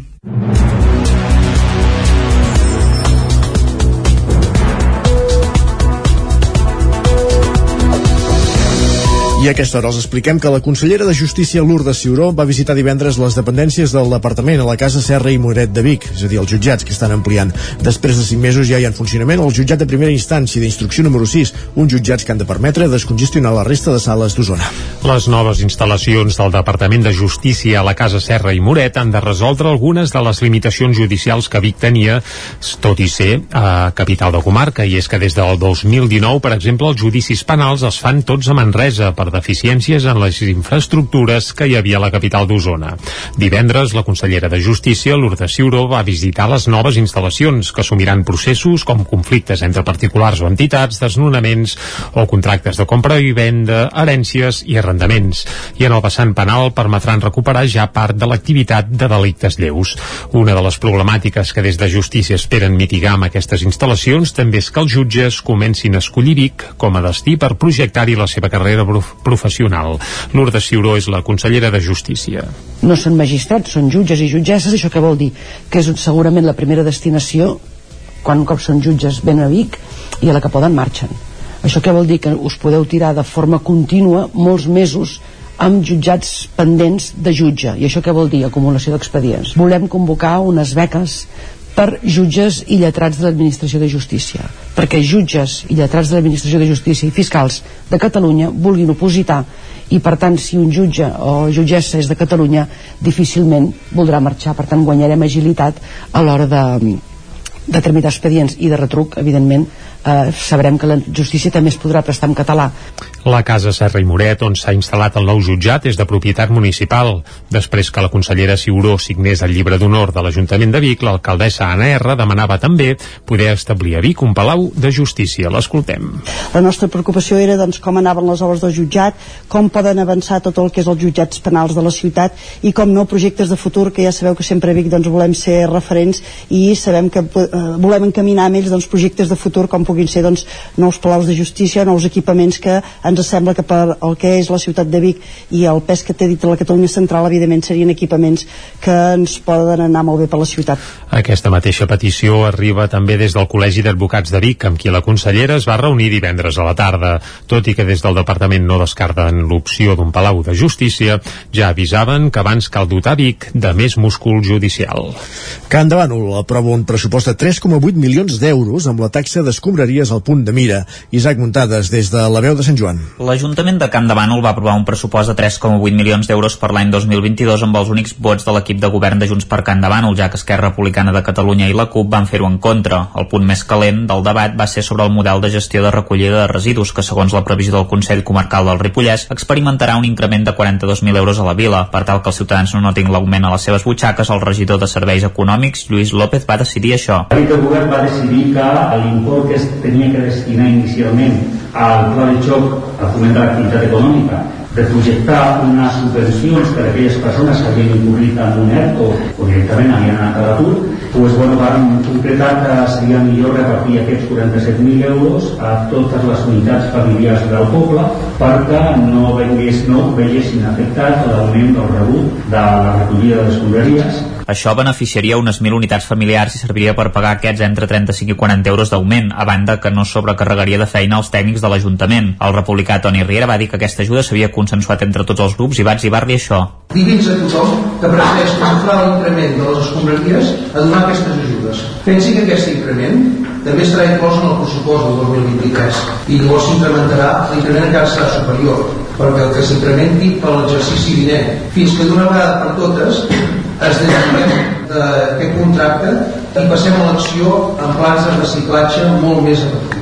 López va contestar-li que sí que calia caminar cap a una recollida més sostenible que sigui respectuosa amb el medi ambient, que bonifiqui les persones que gestionen bé els residus i que el revalori. Mariona Brau des de la CUP va dir que s'hauria d'haver fet un estudi per saber el nombre de beneficiaris de les ajudes, ja que pels copaires la gent sense feina ho passa més malament. La regidora de la CUP va afirmar que l'Ajuntament té la responsabilitat que les persones tinguin una vida digna i que el fet de no carregar més feina als treballadors semblava una excusa. Els comptes també hi destaquen 150.000 euros destinats a pagar la indemnització pel conveni extrajudicial pel bloc de pisos del carrer Hortes. El consistori Territori preveu una recaptació d'impostos directes d'1,2 milions d'euros i va congelar les ordenances i preus públics, que es mantenen igual des del 2020. Novament, la CUP va lamentar que no s'hi hagi introduït la tarifació social. Finalment, els pressupostos de Can de Bànol contemplen 608.500 euros en inversions, on hi destaquen els 350.000 euros per la millora de la connectivitat i l'eficiència energètica al centre del poble. També hi ha 100.000 euros per l'alberg municipal, 80.000 per actuacions i millores als barris de la vila, 50.000 per mobiliari i equipament al torrent de la Cabana i la Font del Carol i 20.000 per la restauració de l'església Sant Cristòfol. En canvi, encara no hi ha cap partida de pressupostos participatius. Gràcies, Isaac. Anem de la veu a una codinenca. La Generalitat ha aprovat un nou decret llei per regular macroparcs energètics que ha generat el rebuig per part de dues entitats ecologistes del Moianès.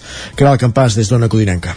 Aquest nou decret llei que es va presentar dimecres i que el govern pretén aprovar demà delimita el marc jurídic que regularà les instal·lacions fotovoltaiques. Davant d'això, al Moianès diverses entitats ecologistes com el Fanal o Salvem Calders han mostrat preocupació. Aquesta és la segona versió del decret i segons les entitats, el nou govern els va prometre que els col·lectius i entitats ecologistes podrien participar del procés de creació d'aquesta segona proposta, però no ha sigut així.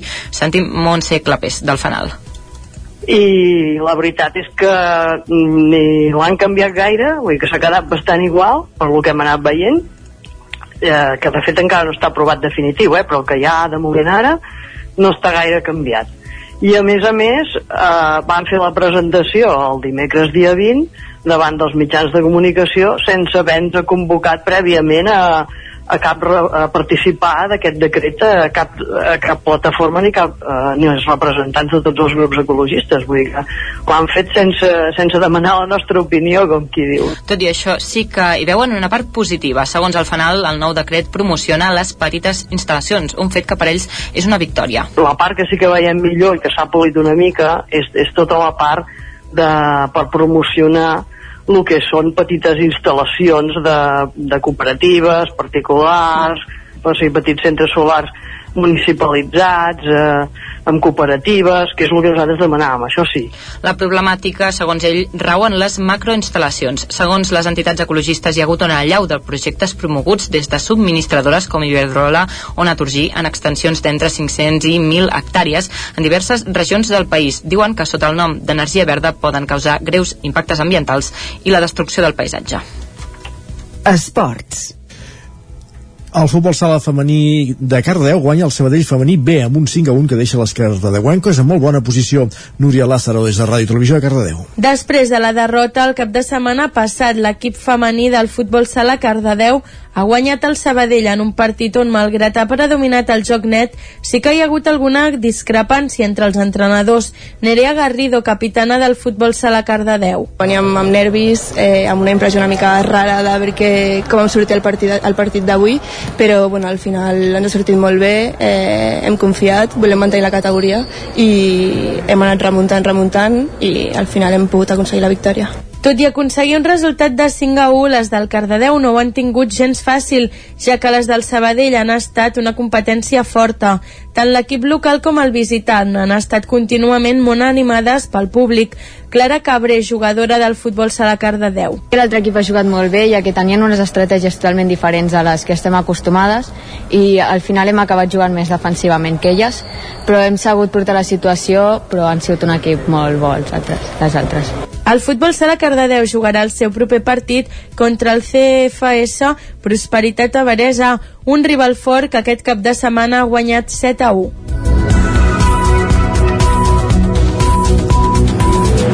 Acabem el repàs informatiu, anem als solidaris. Solidaris, amb Eloi Puigferrer. I quan passen 13 minuts de les 11, parlem de l'Associació de Familiars de Malalts d'Alzheimer d'Osona amb l'Eloi Puigferrer des de Ràdio Vic. Bon dia. Les dades de l'Organització Mundial de la Salut situen Espanya i Catalunya molt endavant en la llista de països amb més esperança de vida en el món. Amb una mitjana de 86 anys en les dones i de 82 en els homes, és innegable que aquesta xifra no para de créixer amb els anys, assegurant una vida més llarga a tota la població.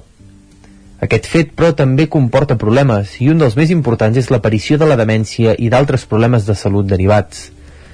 Xifres publicades per la Universitat de Vic apunten que només a la comarca d'Osona hi ha 1.400 persones dependents, i alhora aquesta xifra és molt similar a la de persones que pateixen una de les malalties més cruels que hi pot haver, l'Alzheimer. Aquesta afecció, encara sense cura, fa perdre tots els records de la persona que la pateix, sent un gran problema pel pacient i sobretot per la seva família, que veu com la persona que estimaven a poc a poc va desapareixent. Aquest procés no és ni de tros senzill, però a la comarca hi ha una entitat que arran de ja haver viscut aquestes situacions acompanya totes les famílies que passen per aquest llarg i dur procés. Aquesta organització és l'AFMADO, de qui parlarem avui al programa Solidaris des de Ràdio Vic i a través de l'antena del Territori 17, tot conversant amb en Josep Vilardell, el seu president i membre des dels seus inicis. Bé, AFMADO neix d'una necessitat, una necessitat que teníem un grup de persones eh, que havíem estat o estàvem vivint situacions familiars de, de, d'Alzheimer, Alzheimer amb familiars, alguns cuidadors, els altres, doncs, eh, diguem-ne que en, en, un, en un segon terme, però bàsicament era això, era un grup de persones que ens vàrem adonar doncs, que eh, hi arribava un moment doncs, que feien com de, de, d'experts, no? De, de, de cuidadors experts en aquest sentit, no? Perquè, bueno, perquè amics, coneguts que havien passat o, o que coneixien algú que tenia situacions d'aquestes, doncs ens els adreçaven per, per orientar-los i tal. No? I aleshores es va fer una reflexió, de dir, home, si resulta que nosaltres, eh, perquè en el seu moment, doncs, quan nosaltres hem començat a, a viure aquesta situació, doncs no, no teníem un referent d'una associació i tal, home, potser valdria la pena que tot el que hem anat aprenent a base de, de, de cops, no? si, si em permets, a base de, d'anar-te trobant amb, amb problemes, doncs, eh, bueno, doncs potser revertir-ho a la societat d'alguna manera o altra. No? Però malgrat centrar-se en l'Alzheimer, Vilardell no tanca la porta a altres afeccions, ja que per l'AFMADO el més important sempre és estar al costat de les famílies. Buscar la manera de, de, de treballar conjuntament amb altra gent, altres entitats, divulgar, divulgar la malaltia, que se'n parli i, i sobretot ser solidaris en aquest aspecte, no? solidaris amb aquests malalts, però amb aquests, amb aquests familiars de malalts que, que, estan, que estan cada dia doncs, al peu del canó cuidant les seves, els seus familiars en, en situacions de, de demència. No? Parlem d'Alzheimer, però, però realment l'Alzheimer és, és una de les demències. L'Alzheimer potser per, per, perquè hi ha hagut persones de, de rellevància pública que, que, que han tingut aquesta malaltia i se n'ha parlat més, però, però realment les demències eh, hi ha forces diferents eh, diferents tipus i, i l'Alzheimer és una d'elles, no? i nosaltres tampoc, tampoc ens tanquem a només Alzheimer, vull dir, per tant, qualsevol persona que necessiti de la nostra ajuda en aquest sentit, doncs hi, hi som, som per un, per un cantó. I és que si una cosa té molt clara l'AFMADO és que són aquí per ajudar a totes les persones que s'han creuat amb la dependència i sobretot amb l'Alzheimer a la comarca d'Osona. Nosaltres eh, sempre hem tingut molt clar que la nostra, el nostre àmbit d'actuació ha de ser Osona, ha de ser dintre d'Alzheimer i, i venim a sumar, no, no venim a, a, a, prendre feina a ningú, ni, ni al contrari, o sigui, venim a sumar. I, I sempre hem estat molt atents a les mancances. No? O sigui, quan algun familiar ens ha demanat o alguns familiars ens han demanat que allò seria interessant, hem intentat un, un projecte. No? Per exemple, eh, fa uns anys vàrem iniciar projectes en, en musicoteràpia. No ens ho havíem plantejat mai, eh, aquí a la comarca no es treballava massa aquest tema i per tant doncs, ens va semblar que era, que era, que era bo. Però bueno, ho hem fet. Eh, ho vàrem fer-ho. També és veritat que per la pandèmia ha quedat portem un any i poc més que, que les activitats presencials han, han, han disminuït força, però si tot va bé, doncs tornarem a iniciar un altre grup de musicoteràpia properament. Lluitar contra una malaltia tan implacable com és l'Alzheimer és molt complicat, sobretot perquè afecta molts aspectes de la vida diferents. Afmado, però, tenen molt clar com es pot treballar amb cada col·lectiu afectat. Hi ha una cosa que és molt, és molt clara, i, i, i potser sóc molt directe, però, però jo penso que és així. Uh, i, I des d'Afmado ho veiem així, no? O sigui, estem davant d'una malaltia que és molt cruel. És molt cruel. És molt cruel pel malalt, perquè perd els seus records, perd la seva identitat, i és molt cruel per la família.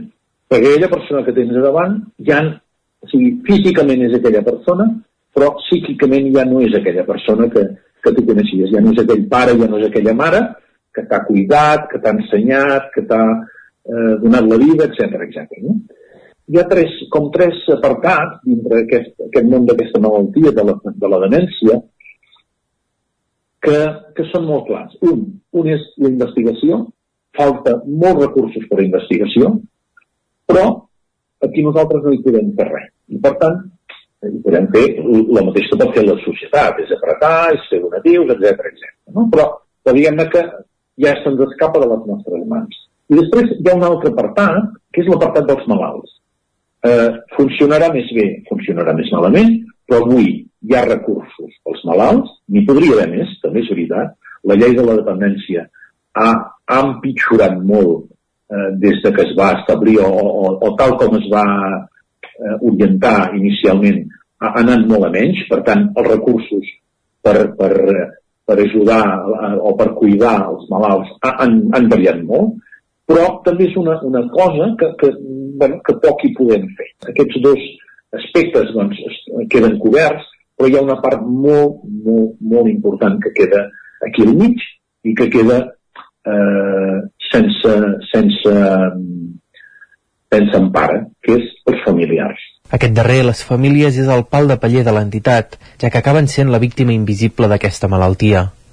I és que, a mesura que va avançant, el procés es va fent cada vegada més complicat per a tots. Tan diagnosticat, vale, perfecte. Eh, el malalt passa a una fase doncs, ja de, de, de, de, de cuidados d'aspectes doncs, de centres de dia, de cuidadors, de casa, de, de, de residències, del que vulguis, però la part emocional, anímica de, de, del dia a dia dels cuidadors no està treballat. I per tant, aquí és on les, les associacions com la nostra doncs, eh, és, és on entrem. I és on intentem enfocar o focalitzar els nostres, els nostres esforços, perquè realment eh, tothom vol lluitar contra la malaltia, tothom vol cuidar el malalt, però aquest apartat del mig eh, queda, queda moltes vegades queda, queda desatès. No? I, I no queda desatès perquè els professionals que se'n cuiden ho facin malament, queda desatès perquè realment hi ha els mitjans que hi ha i, i està molt bé que ens expliquin la malaltia i per què es produeix i que hi ha unes parts del cervell que, que, que, queden, que queden com mortes i tal, però, però bueno, vale. Eh, al final la gent vol saber que si el seu, el seu familiar a la nit s'aixeca i se'n vol anar de casa, què ha de fer? I si no vol menjar, què ha de fer? I si eh, eh, doncs, eh, agafa segons quina mania o segons quina mania amb alguna persona, què ha de fer? És el dia a dia que ens costa, no? El que deies tu abans de, de, la, de, de les grans oblidades, no? els danys col·laterals, no? Hi ha molta gent que està, que està enmig d'un procés d'una malaltia d'un familiar i, i quan se n'adona eh, està tan malalt un com l'altre, perquè psíquicament això eh, destrueix força. Hi ha, hi, ha, hi ha algunes obres de teatre, hi ha alguns textos que n'han parlat i, i també se'n fa difusió, i es veu molt clarament quan uns cuidadors o quan un cuidador s'ha centrat molt, molt, molt exclusivament a cuidar el seu malalt i s'ha oblidat ell mateix, la malaltia passa. La malaltia passa malauradament perquè el malalt acaba, acaba traspassant i, i, i després aquell cuidador eh, ha deixat la seva feina, ha deixat el seu entorn social, ha deixat les seves aficions. Li costa molt tornar a arrencar, eh? li costa molt tornar-se a situar on era.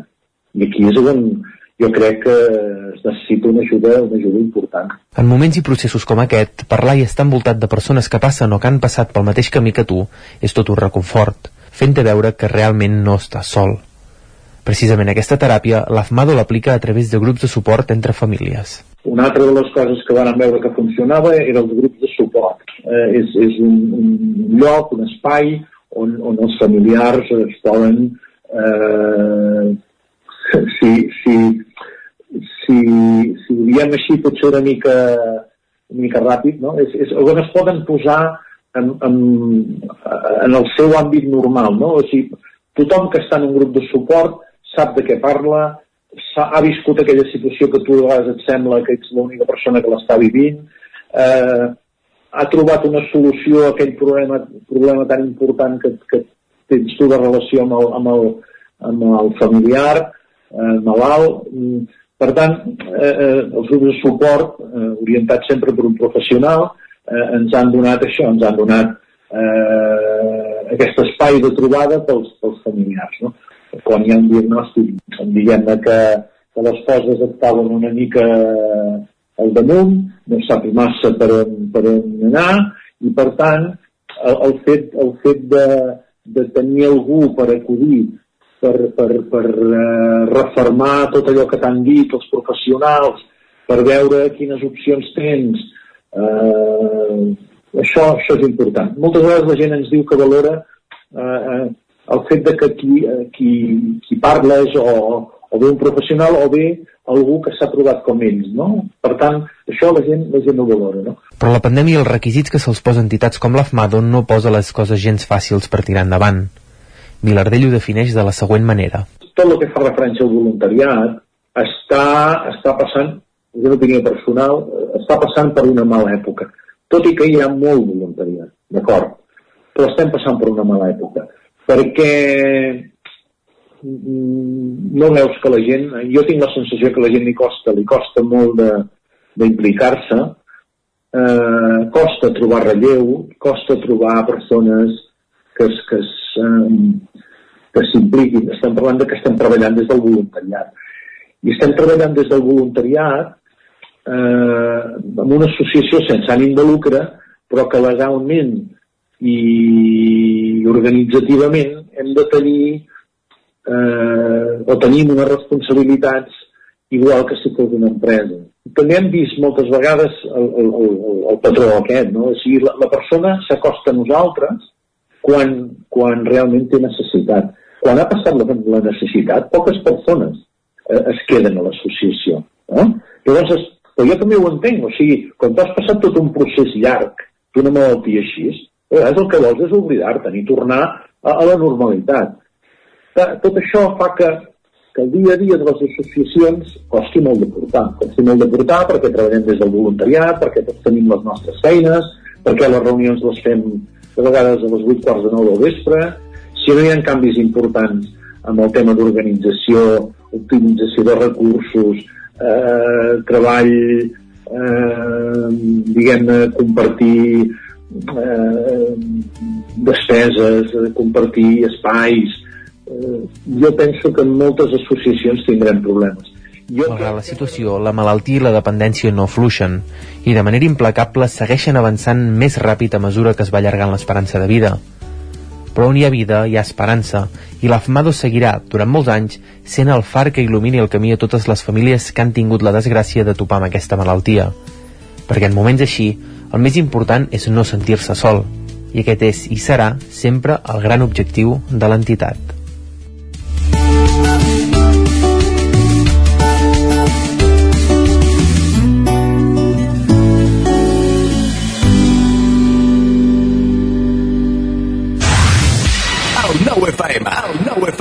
A Corretja tenim tot el que necessites per la teva llar. Tot tipus de paviments i revestiments, sistemes d'aïllament, cobertes, parquets, aixetes, ferreteria, pintures, fixació i cargoleria, vestuari i material de seguretat. Disposem de més de 3.500 metres quadrats d'exposició amb una nova zona exterior d'aïllaments. A Corretja som especialistes en cuines i banys. Us assessorem, dissenyem i realitzem el projecte des de l'inici fins a la fi del muntatge. 100% cuines, 100% banys.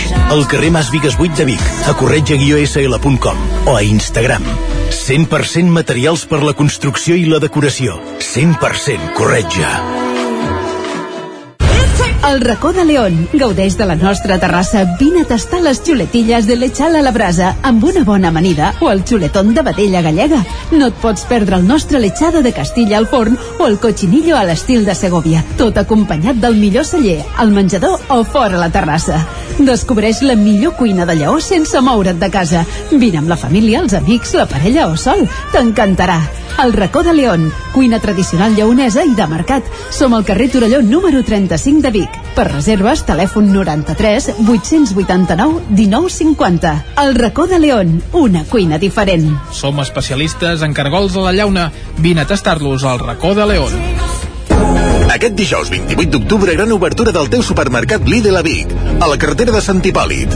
Vine i gaudeix d'ofertes increïbles. I amb l'app Lidl Plus podràs guanyar cupons de compra gratis. Lidl, marca la diferència. Cobertes serveis funeraris. Els nostres tanatoris estan ubicats en els nuclis urbans més poblats de la comarca d'Osona per oferir un millor servei. Tanatori de Vic, Tanatori de Manlleu, Tanatori de Centelles i Tanatori de Roda de Ter.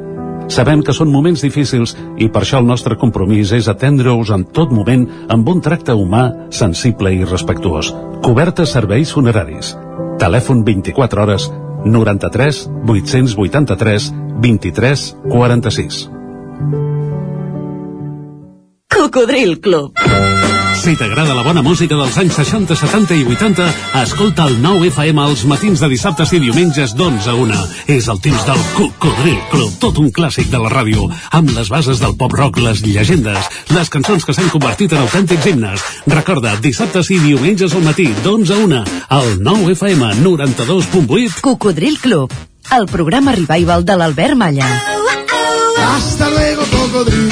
Anuncia't al 9FM. La màquina de casa. 9 3 8 8 9 4 9 4 9. Publicitat arroba al 9FM.cat. Anuncia't al 9FM.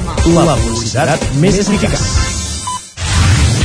El 9 FM, el 9 FM, el 9 Territori 17. A Tren d'Alba. Cada dia els usuaris de la línia R3 de Rodalies que veuen sortir el sol des d'un vagó ens expliquen les gràcies i les penes del primer comboi que uneix Ripoll i Barcelona.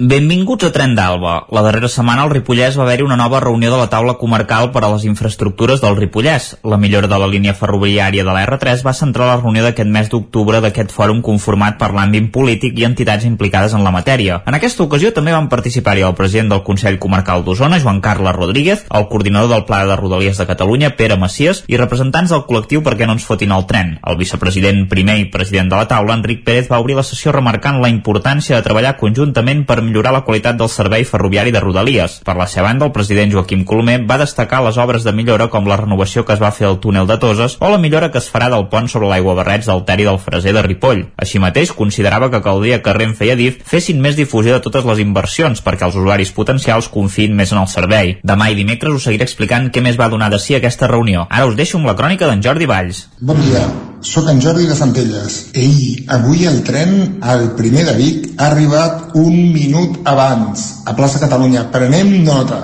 Un minut abans. Uau. Conversa majoritària del dia d'avui. Una companya porta la canalla a un esplai i hem estat parlant de tot el tema, de tot l'àmbit de l'educació en el lleure, els caus, els esplais, de tot allò que aprenen sense ser ensenyats, de la dedicació que les monis hi dediquen i posen esforç, ganes, temps i gratis, eh?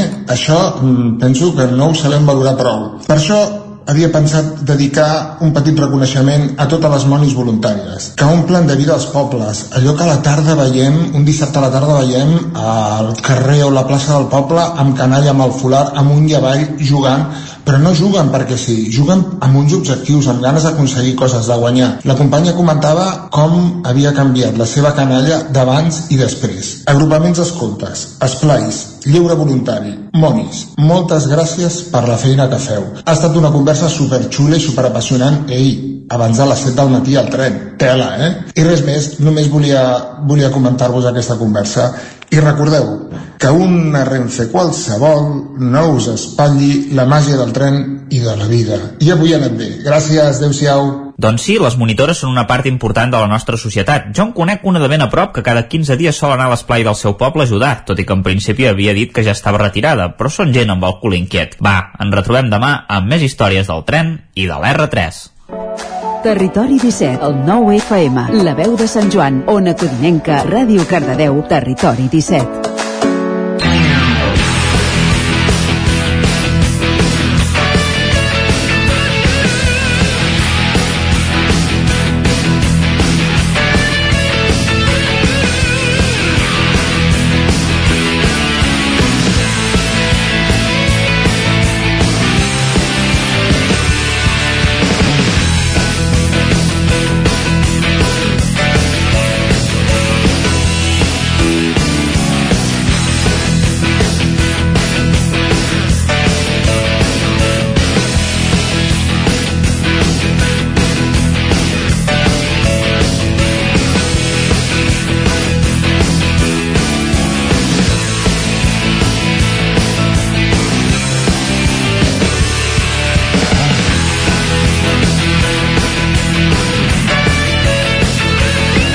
Doncs comencem la tertúlia esportiva com cada dilluns a la recta final del programa, quan falta, doncs quan són dos quarts i quatre mi minuts, perdó, eh, de 12 del matí, en companyia de Lluís de Planell, aquí als estudis del 9FM. Bon dia, Lluís. Hola, bon dia.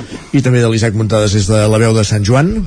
I Bon dia. esperem que se'ns incorpori algú més en els propers minuts. Bon dia, Isaac.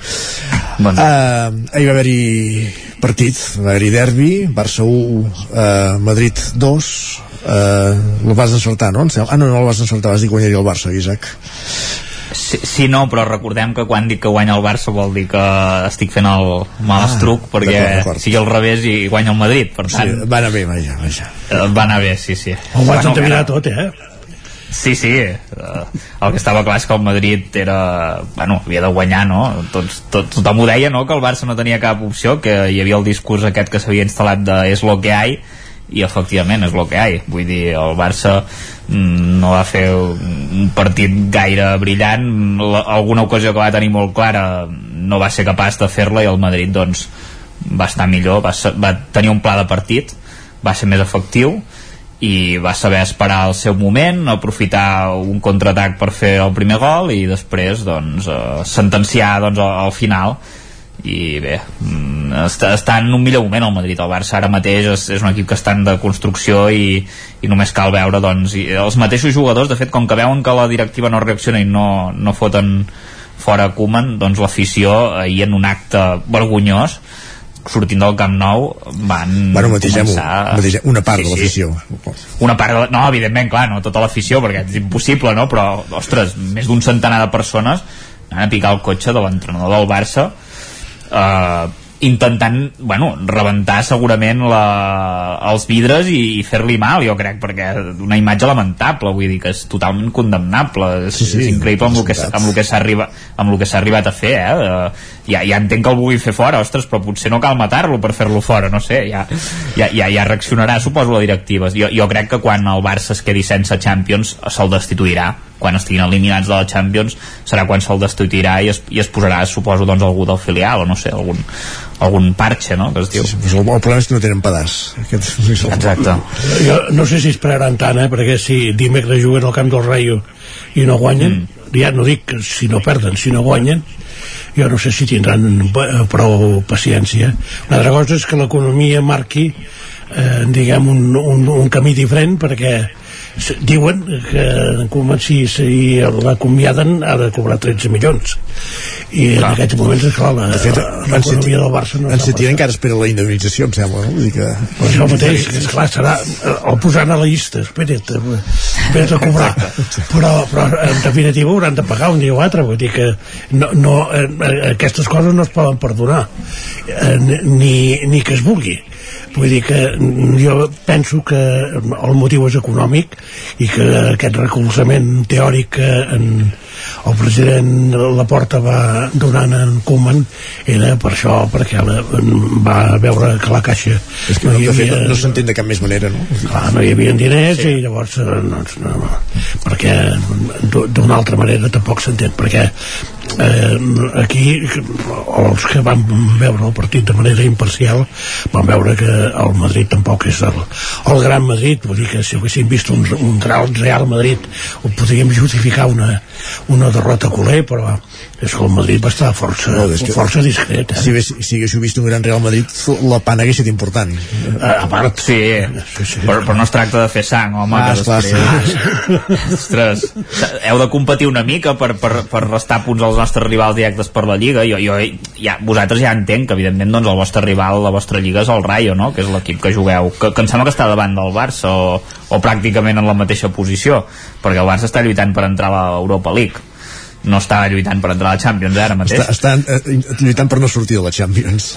Exacte, està lluitant per no sortir de la Champions i, i li queda un partit pendent contra el Sevilla, que ara mateix el Sevilla no és precisament el millor equip doncs, per, uh, per aconseguir punts, eh, precisament, i, i, i, i ni el Sevilla ni el Rayo ni ara mateix pràcticament cap equip de primera divisió. Vull no, no, dir que... està, està clar que la situació esportiva del Barça ara mateix no, no es pot defensar des de cap punt de vista. Uh, és evident que el, eh, els sistemes de l'entrenador no funcionen, no entren en aquesta plantilla i, i el que no. deia Lluís, no?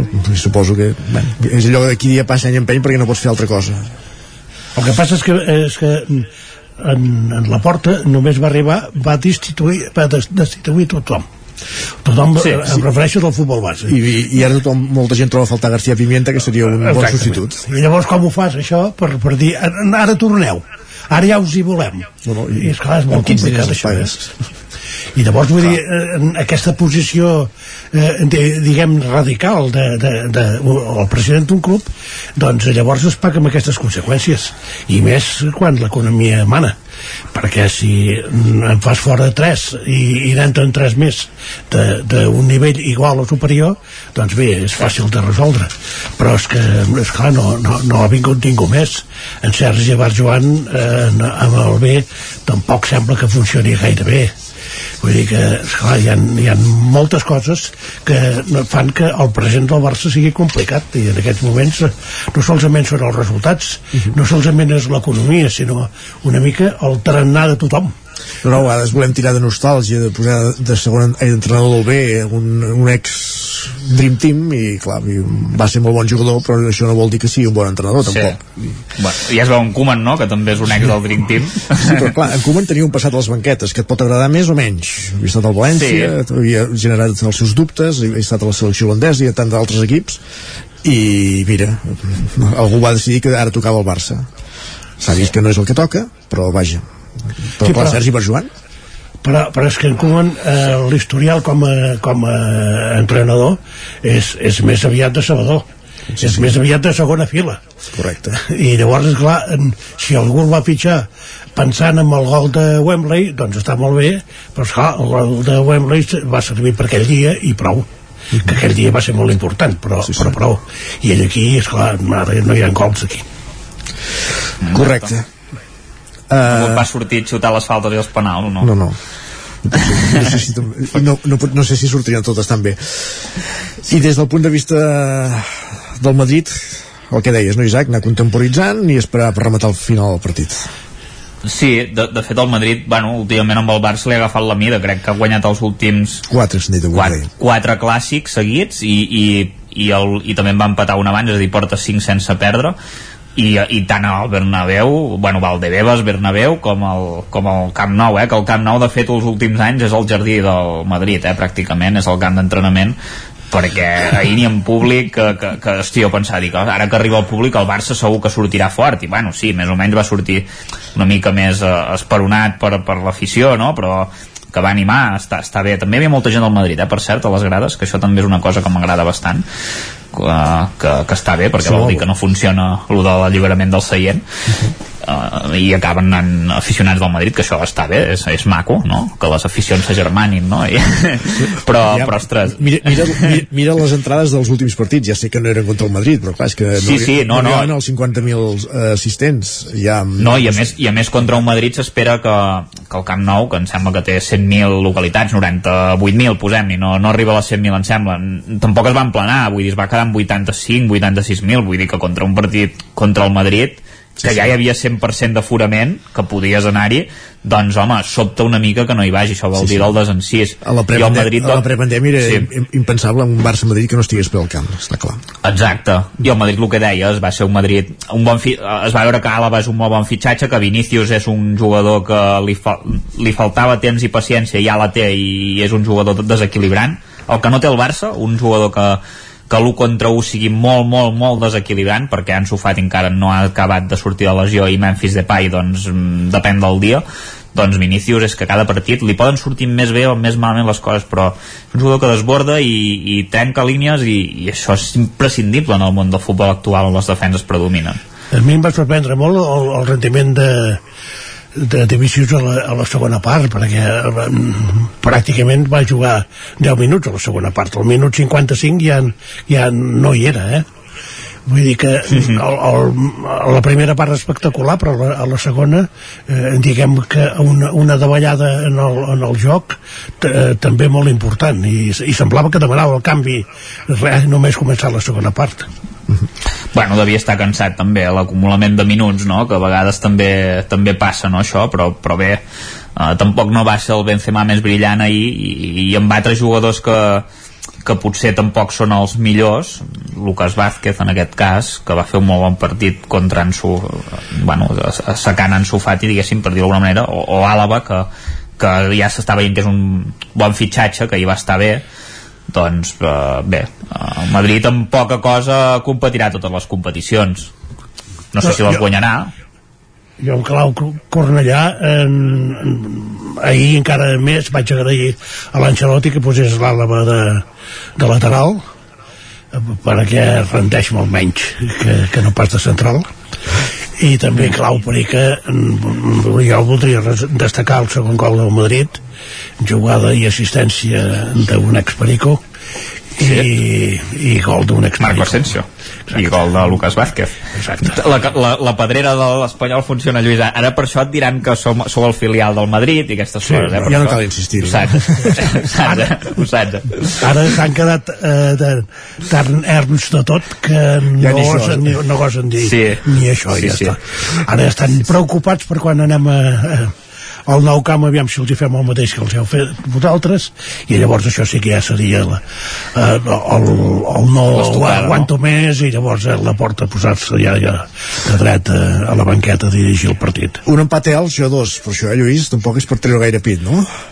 Home, l'Elx no havia perdut cap partit aquesta temporada ah. a casa vull dir que és i jo diria que també és, eh, després d'una primera part força discreta o, o dolenta directament a la segona s'hi van posar i el que va faltar se va, va ser rematar, va rematar marcar, marcar el tercer gol que hauria ja decidit el partit definitivament i el, el, el segon gol de l'Elx hauria estat l'anècdota que va estar ahir per exemple el, el gol del que Sí, d'això ningú en parla. El, el minut 97, eh, vaig veure.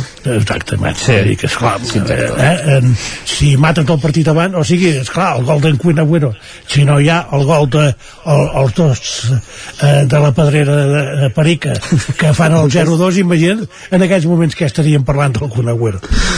Esclar, Els que- gols de la pedrera perica, és que... Esclar, home. Gols de la pedrera perica I, i llavors va dir, clar, eh, la- les coses van d'aquesta manera, s'ha s'ha de rematar, s'ha de mm, intentar eh, jugar els últims minuts amb la tranquil·litat que et donen un pes de, de gols d'avantatge, aquesta vegada no va ser possible, però tenint en compte doncs, les circumstàncies i com van les coses doncs jo diria que no, els pericos de moment no ens podem queixar i el que hem d'esperar que demà guanyem l'Atlètic de Bilbao i llavors això ja les, eh, empataríem amb ells i la, la, la competició europea estarà més a prop i el Barça també, esclar. Uh, demà hi ha jornada, aquesta setmana hi ha jornada intersemanal, demà com deies Espanyol Bilbao, dimecres Rayo Barça i Madrid Osasuna i un detall, la Real líder uh, què, què li augureu en aquesta Real Societat aquest any?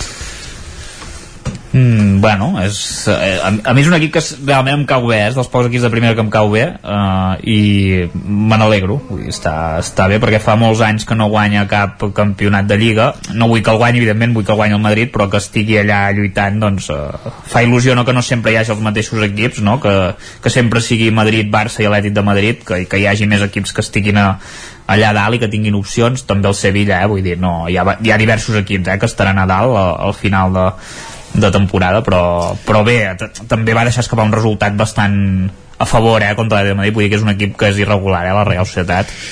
Creieu que aquesta lliga serà més igualada, veient que el Barça i el Madrid aquest any no estan pel que han d'estar? No, bueno, serà més igualat, sí. Eh? No, no, perdona, la... jo diria que han baixat el, el Barça i el Madrid i s'han posat a l'alçada dels altres i llavors, sí. Eh, llavors fa, fa que la cosa sigui igualada per aquest, amb aquest concepte mm -hmm. el dia que un dels dos es destaqui que el Barça de moment no en té pinta no, el Barça i el Madrid ha de canviar molt eh, doncs eh, si un dels dos es destaca llavors eh, pot, potser sí que serà una passejada triomfal perquè l'Atlètic de Madrid tampoc està per la labor i es va demostrar també perquè el segon, el penal que representa l'empat a l'Atlètic de Madrid és d'aquells penals justets, justets, justets eh? Bueno, s'ha d'anar ajudant no, l'Atlètic de Madrid per, per, perquè estigui allà dalt és, ja estem acostumats no, amb les ajudes arbitrals que té l'Atlètic de Madrid aquesta temporada. Vull dir que bueno, est est estarà igualat entre l'Atlètic de Madrid i el Madrid la resta d'equips jo crec que estan un pas per sota perquè has dit que la Real Societat és dels pocs equips que et cauen bé de primera què, què t'han fet els de, que sé, l'Els, l'Albacete el, l'Albacete juga primer no? No, no l'Els no, eh, per exemple, perquè tampoc hi ha estat massa primer, però hi ha molts equips que no bueno, que no...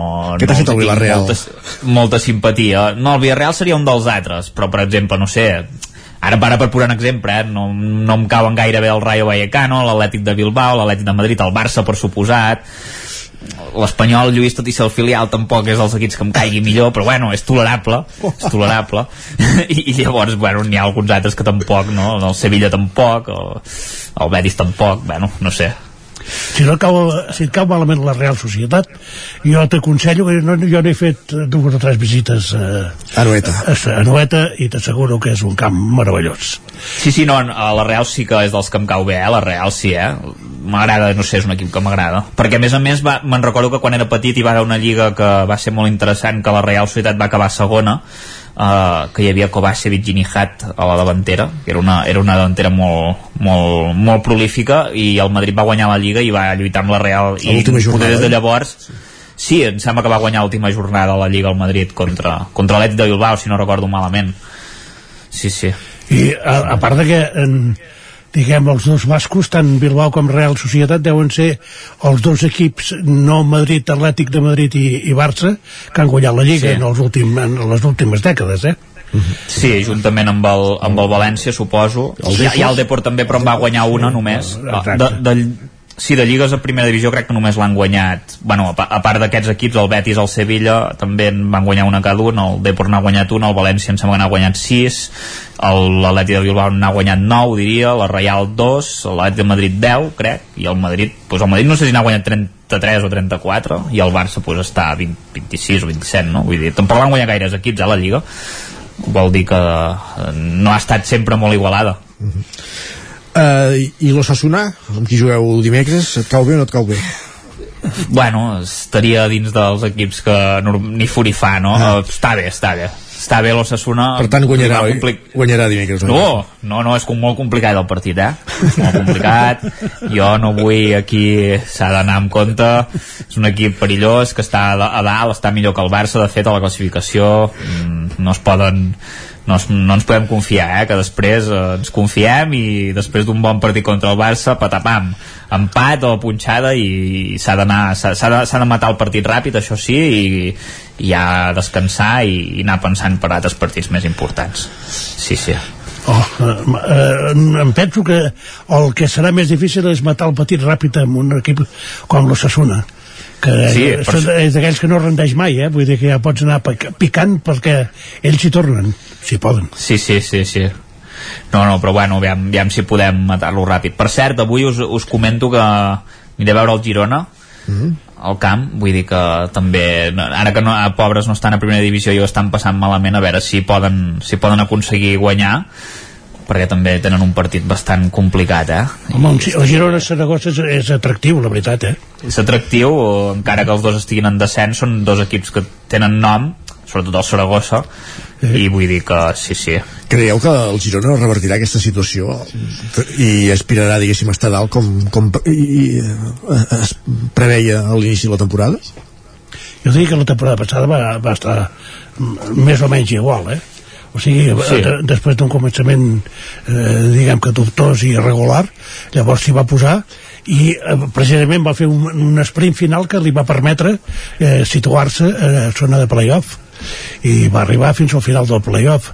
Vull dir que tampoc és descartable però el Girona no entenc massa quina política estan fent perquè és una cosa molt estranya. Però ja de fa anys i no és pas d'ara bueno. sí, però és que treuen jugadors que, que sembla que, que rendeixen eh, i, i en mantenen d'altres que no i, i també és per mi eh, una de les característiques del Girona o un dels problemes del Girona és que l'Estuani feia un, un pilot de gols i ara fa dies, l'altre dia en va fer un però vull dir que mm, ara li costa i llavors sí, és gran. Eh, exacte, l'efectivitat de l'Estovani o la no efectivitat de l'Estovani es nota i esclar, quan, quan passes el, el joc de l'equip eh, l'efectivitat d'un sol home doncs quan aquest et falla perquè ha estat lesionat molt de temps i perquè com, com diu l'Isaac es va fent gran doncs esclar, llavors ja és una altra història Uh -huh. està, està molt hipotecat el Girona en aquest sentit eh? té un jugador que és molt veterà i, i bé, eh, no et podrà solucionar tota la vida i, i, i se l'ha renovat eh, i en depriment d'això potser no s'ha construït tant un equip sinó que es basa més en ell no? i clar, si ell no hi és és, és un problema eh? però, però bueno però aquesta dependència de l'Estuani ja portem unes quantes temporades aquest és, el, és una mica el que comentava en Lluís no? diguéssim que no... el que passa és que les primeres l'Estuani responia correcte eh? sí. i llavors esclar, si, si el golejador et funciona eh, en tens molt de guanyat en, en un partit i a més el, el Girona ja diguem d'anys ja ha tingut un, un porter en, ha tingut 3 o 4 però vull dir tots d'un nivell diguem, molt, molt alt eh? exactament i llavors això eh, també ajuda a mantenir la porteria zero. I llavors si tens la porteria zero i, i el golejador et marca doncs el, els resultats són cantats i per això arribes a primera divisió. Ara llavors quan la, les coses sobretot en el moment de la creació comença a fallar llavors es, es, nota, es, es nota moltíssim i l'equip que no sé, el, el veig per aquest eh l'Espanyol és una mica això, eh, Lluís? Té un davanter que ara mateix també està amb, molta, amb molt bona ratxa, que és molt bo, eh? És que és un davanter que el voldria el València. El València, per exemple, no té un davanter allò matador, en canvi l'Espanyol sí que el teniu, per exemple, que és Raúl de Tomàs, eh? No? Sí, sí, ja, I, un port, I un porter que també és molt sòlid. Ara poder no tant com abans, però, però bé, és un molt bon porter Diego López, eh? Home, dir, el, el, el minut 90 no sé quants treure aquella sí. pilota que va treure al camp de l'Elx i... per això, que clar, és un, és que l'Espanyol té dos jugadors claus, vitals és, és el que li falla al Girona potser ara és, és, vosaltres sou una, a part que l'Espanyol té molt millor plantilla evidentment eh? està a primera divisió i és un equip que té molta millor plantilla. I tens no? el Darder per exemple. I tens el Darder al mig del camp clar, tens, tens un equip amb cara i ulls vull dir, és que i, i Cabrera a la defensa i, i l'Embarba a la banda. I l'Embarba que també és un jugador que quan està fi és un punyal i l'Aleix Vidal també quan està fi també pot donar moltes alegries, no, no, vull dir que, que bueno, que teniu molt bon equip i jo penso que l'Herrera que eh, ha de debutar encara. Eh, va jugar uns minuts a Elx però vull dir, ha de ser un home fonamental també eh, sobretot a la creació. I sí. en, aquest pot ser un jugador important. No, no, no oblidem que ha estat al Manchester City que sí. ha portat el, el Granada a, a Europa en I, Angel, sí, sí. Exactament, i que llavors et vol ajudar, però, però bé... Ara... I que té gol, que té gol també. Mhm. -huh. Jo penso, jo penso que la, la, la plantilla perica en aquests moments està en una situació mm, bona per aspirar a més coses que el que diuen ells, que és eh, arribar als 40 punts per assegurar-se la, la permanència. Per, per Barça per, per cert, abans, abans d'acabar m'agradaria comentar que, ostres, eh, l'espantada de Guillem Freixa avui ha estat molt èpica, no? Perdó, eh, no sé què està fent, eh? Poder estar ocupat o té una cosa de vida o mort, eh? No, no, no, no uh, senzillament avui tenia festa. tenia festa, ah, molt bé, ostres, ostres, que bo! Ja, ja. Però jo em pensava que, que entraria pel telèfon allò, ni que fos a dir hola i bon dia. Té altres no, ocupacions, tu. El primer dia sí, ja sí. va, va deixar clar que ja sap on són i que Exacte, és el que hi ha i que diuen sí, sí, allà a Can Bastos. No... Sí, sí, perdó, perdó, perdó per part meva, és molt lleig, eh, ficar-me quan cal, no hi és. Cal, cal ser realista, ara mateix. Sí, sí, sí. Si ets seguidor del Barça i és, és la situació que, que hi ha, vull dir, tampoc val emprenyar-s'hi més. Pensa... Abans ho comentàvem no, no. també amb en Guillem Sánchez i amb, i amb en Jordi Sunyer, que era allò de que si perd el Barça no sopo, mira tu, ahir vam tenir tot, tota la tarda per pair perquè el partit es va jugar ben dinat i, i també una mica hi ha la sensació és que tampoc ve de nou el que pugui passar, no? Exacte. Però home, si els culers no, no sopeu amb qualsevol mal resultat, eh, no, aquesta setmana fareu règim tots. Aquesta exacte, aquest any faríem règim tots. Exacte, no, és que fareu vaga de fam, morireu, morireu d'inanició. No serà el cas, ja us ho dic.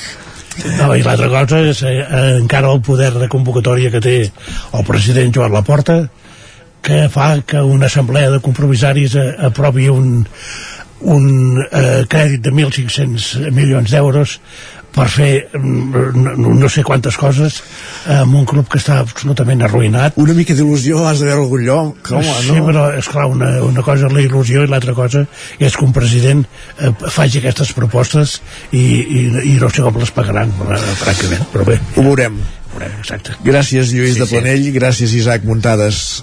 Uh, fins la propera. Fins gràcies, bon dia. Bon dia. Bon dia. I acabem aquí també el Territori 17, un programa que hem fet possible avui. Pepa Costa, David Oladell, Guillem Sánchez, Guillem Rico, Isaac Muntades, Caral Campàs, Òscar Muñoz, Esther Rovira, Eloi Puigferrer, Lluís de Planell, Jordi Sunyer i Isaac Moreno. Us hem acompanyat des de les 9 del matí amb tota l'actualitat de les nostres comarques, de les comarques del Territori 17 i tornarem demà a les 9. Fins aleshores.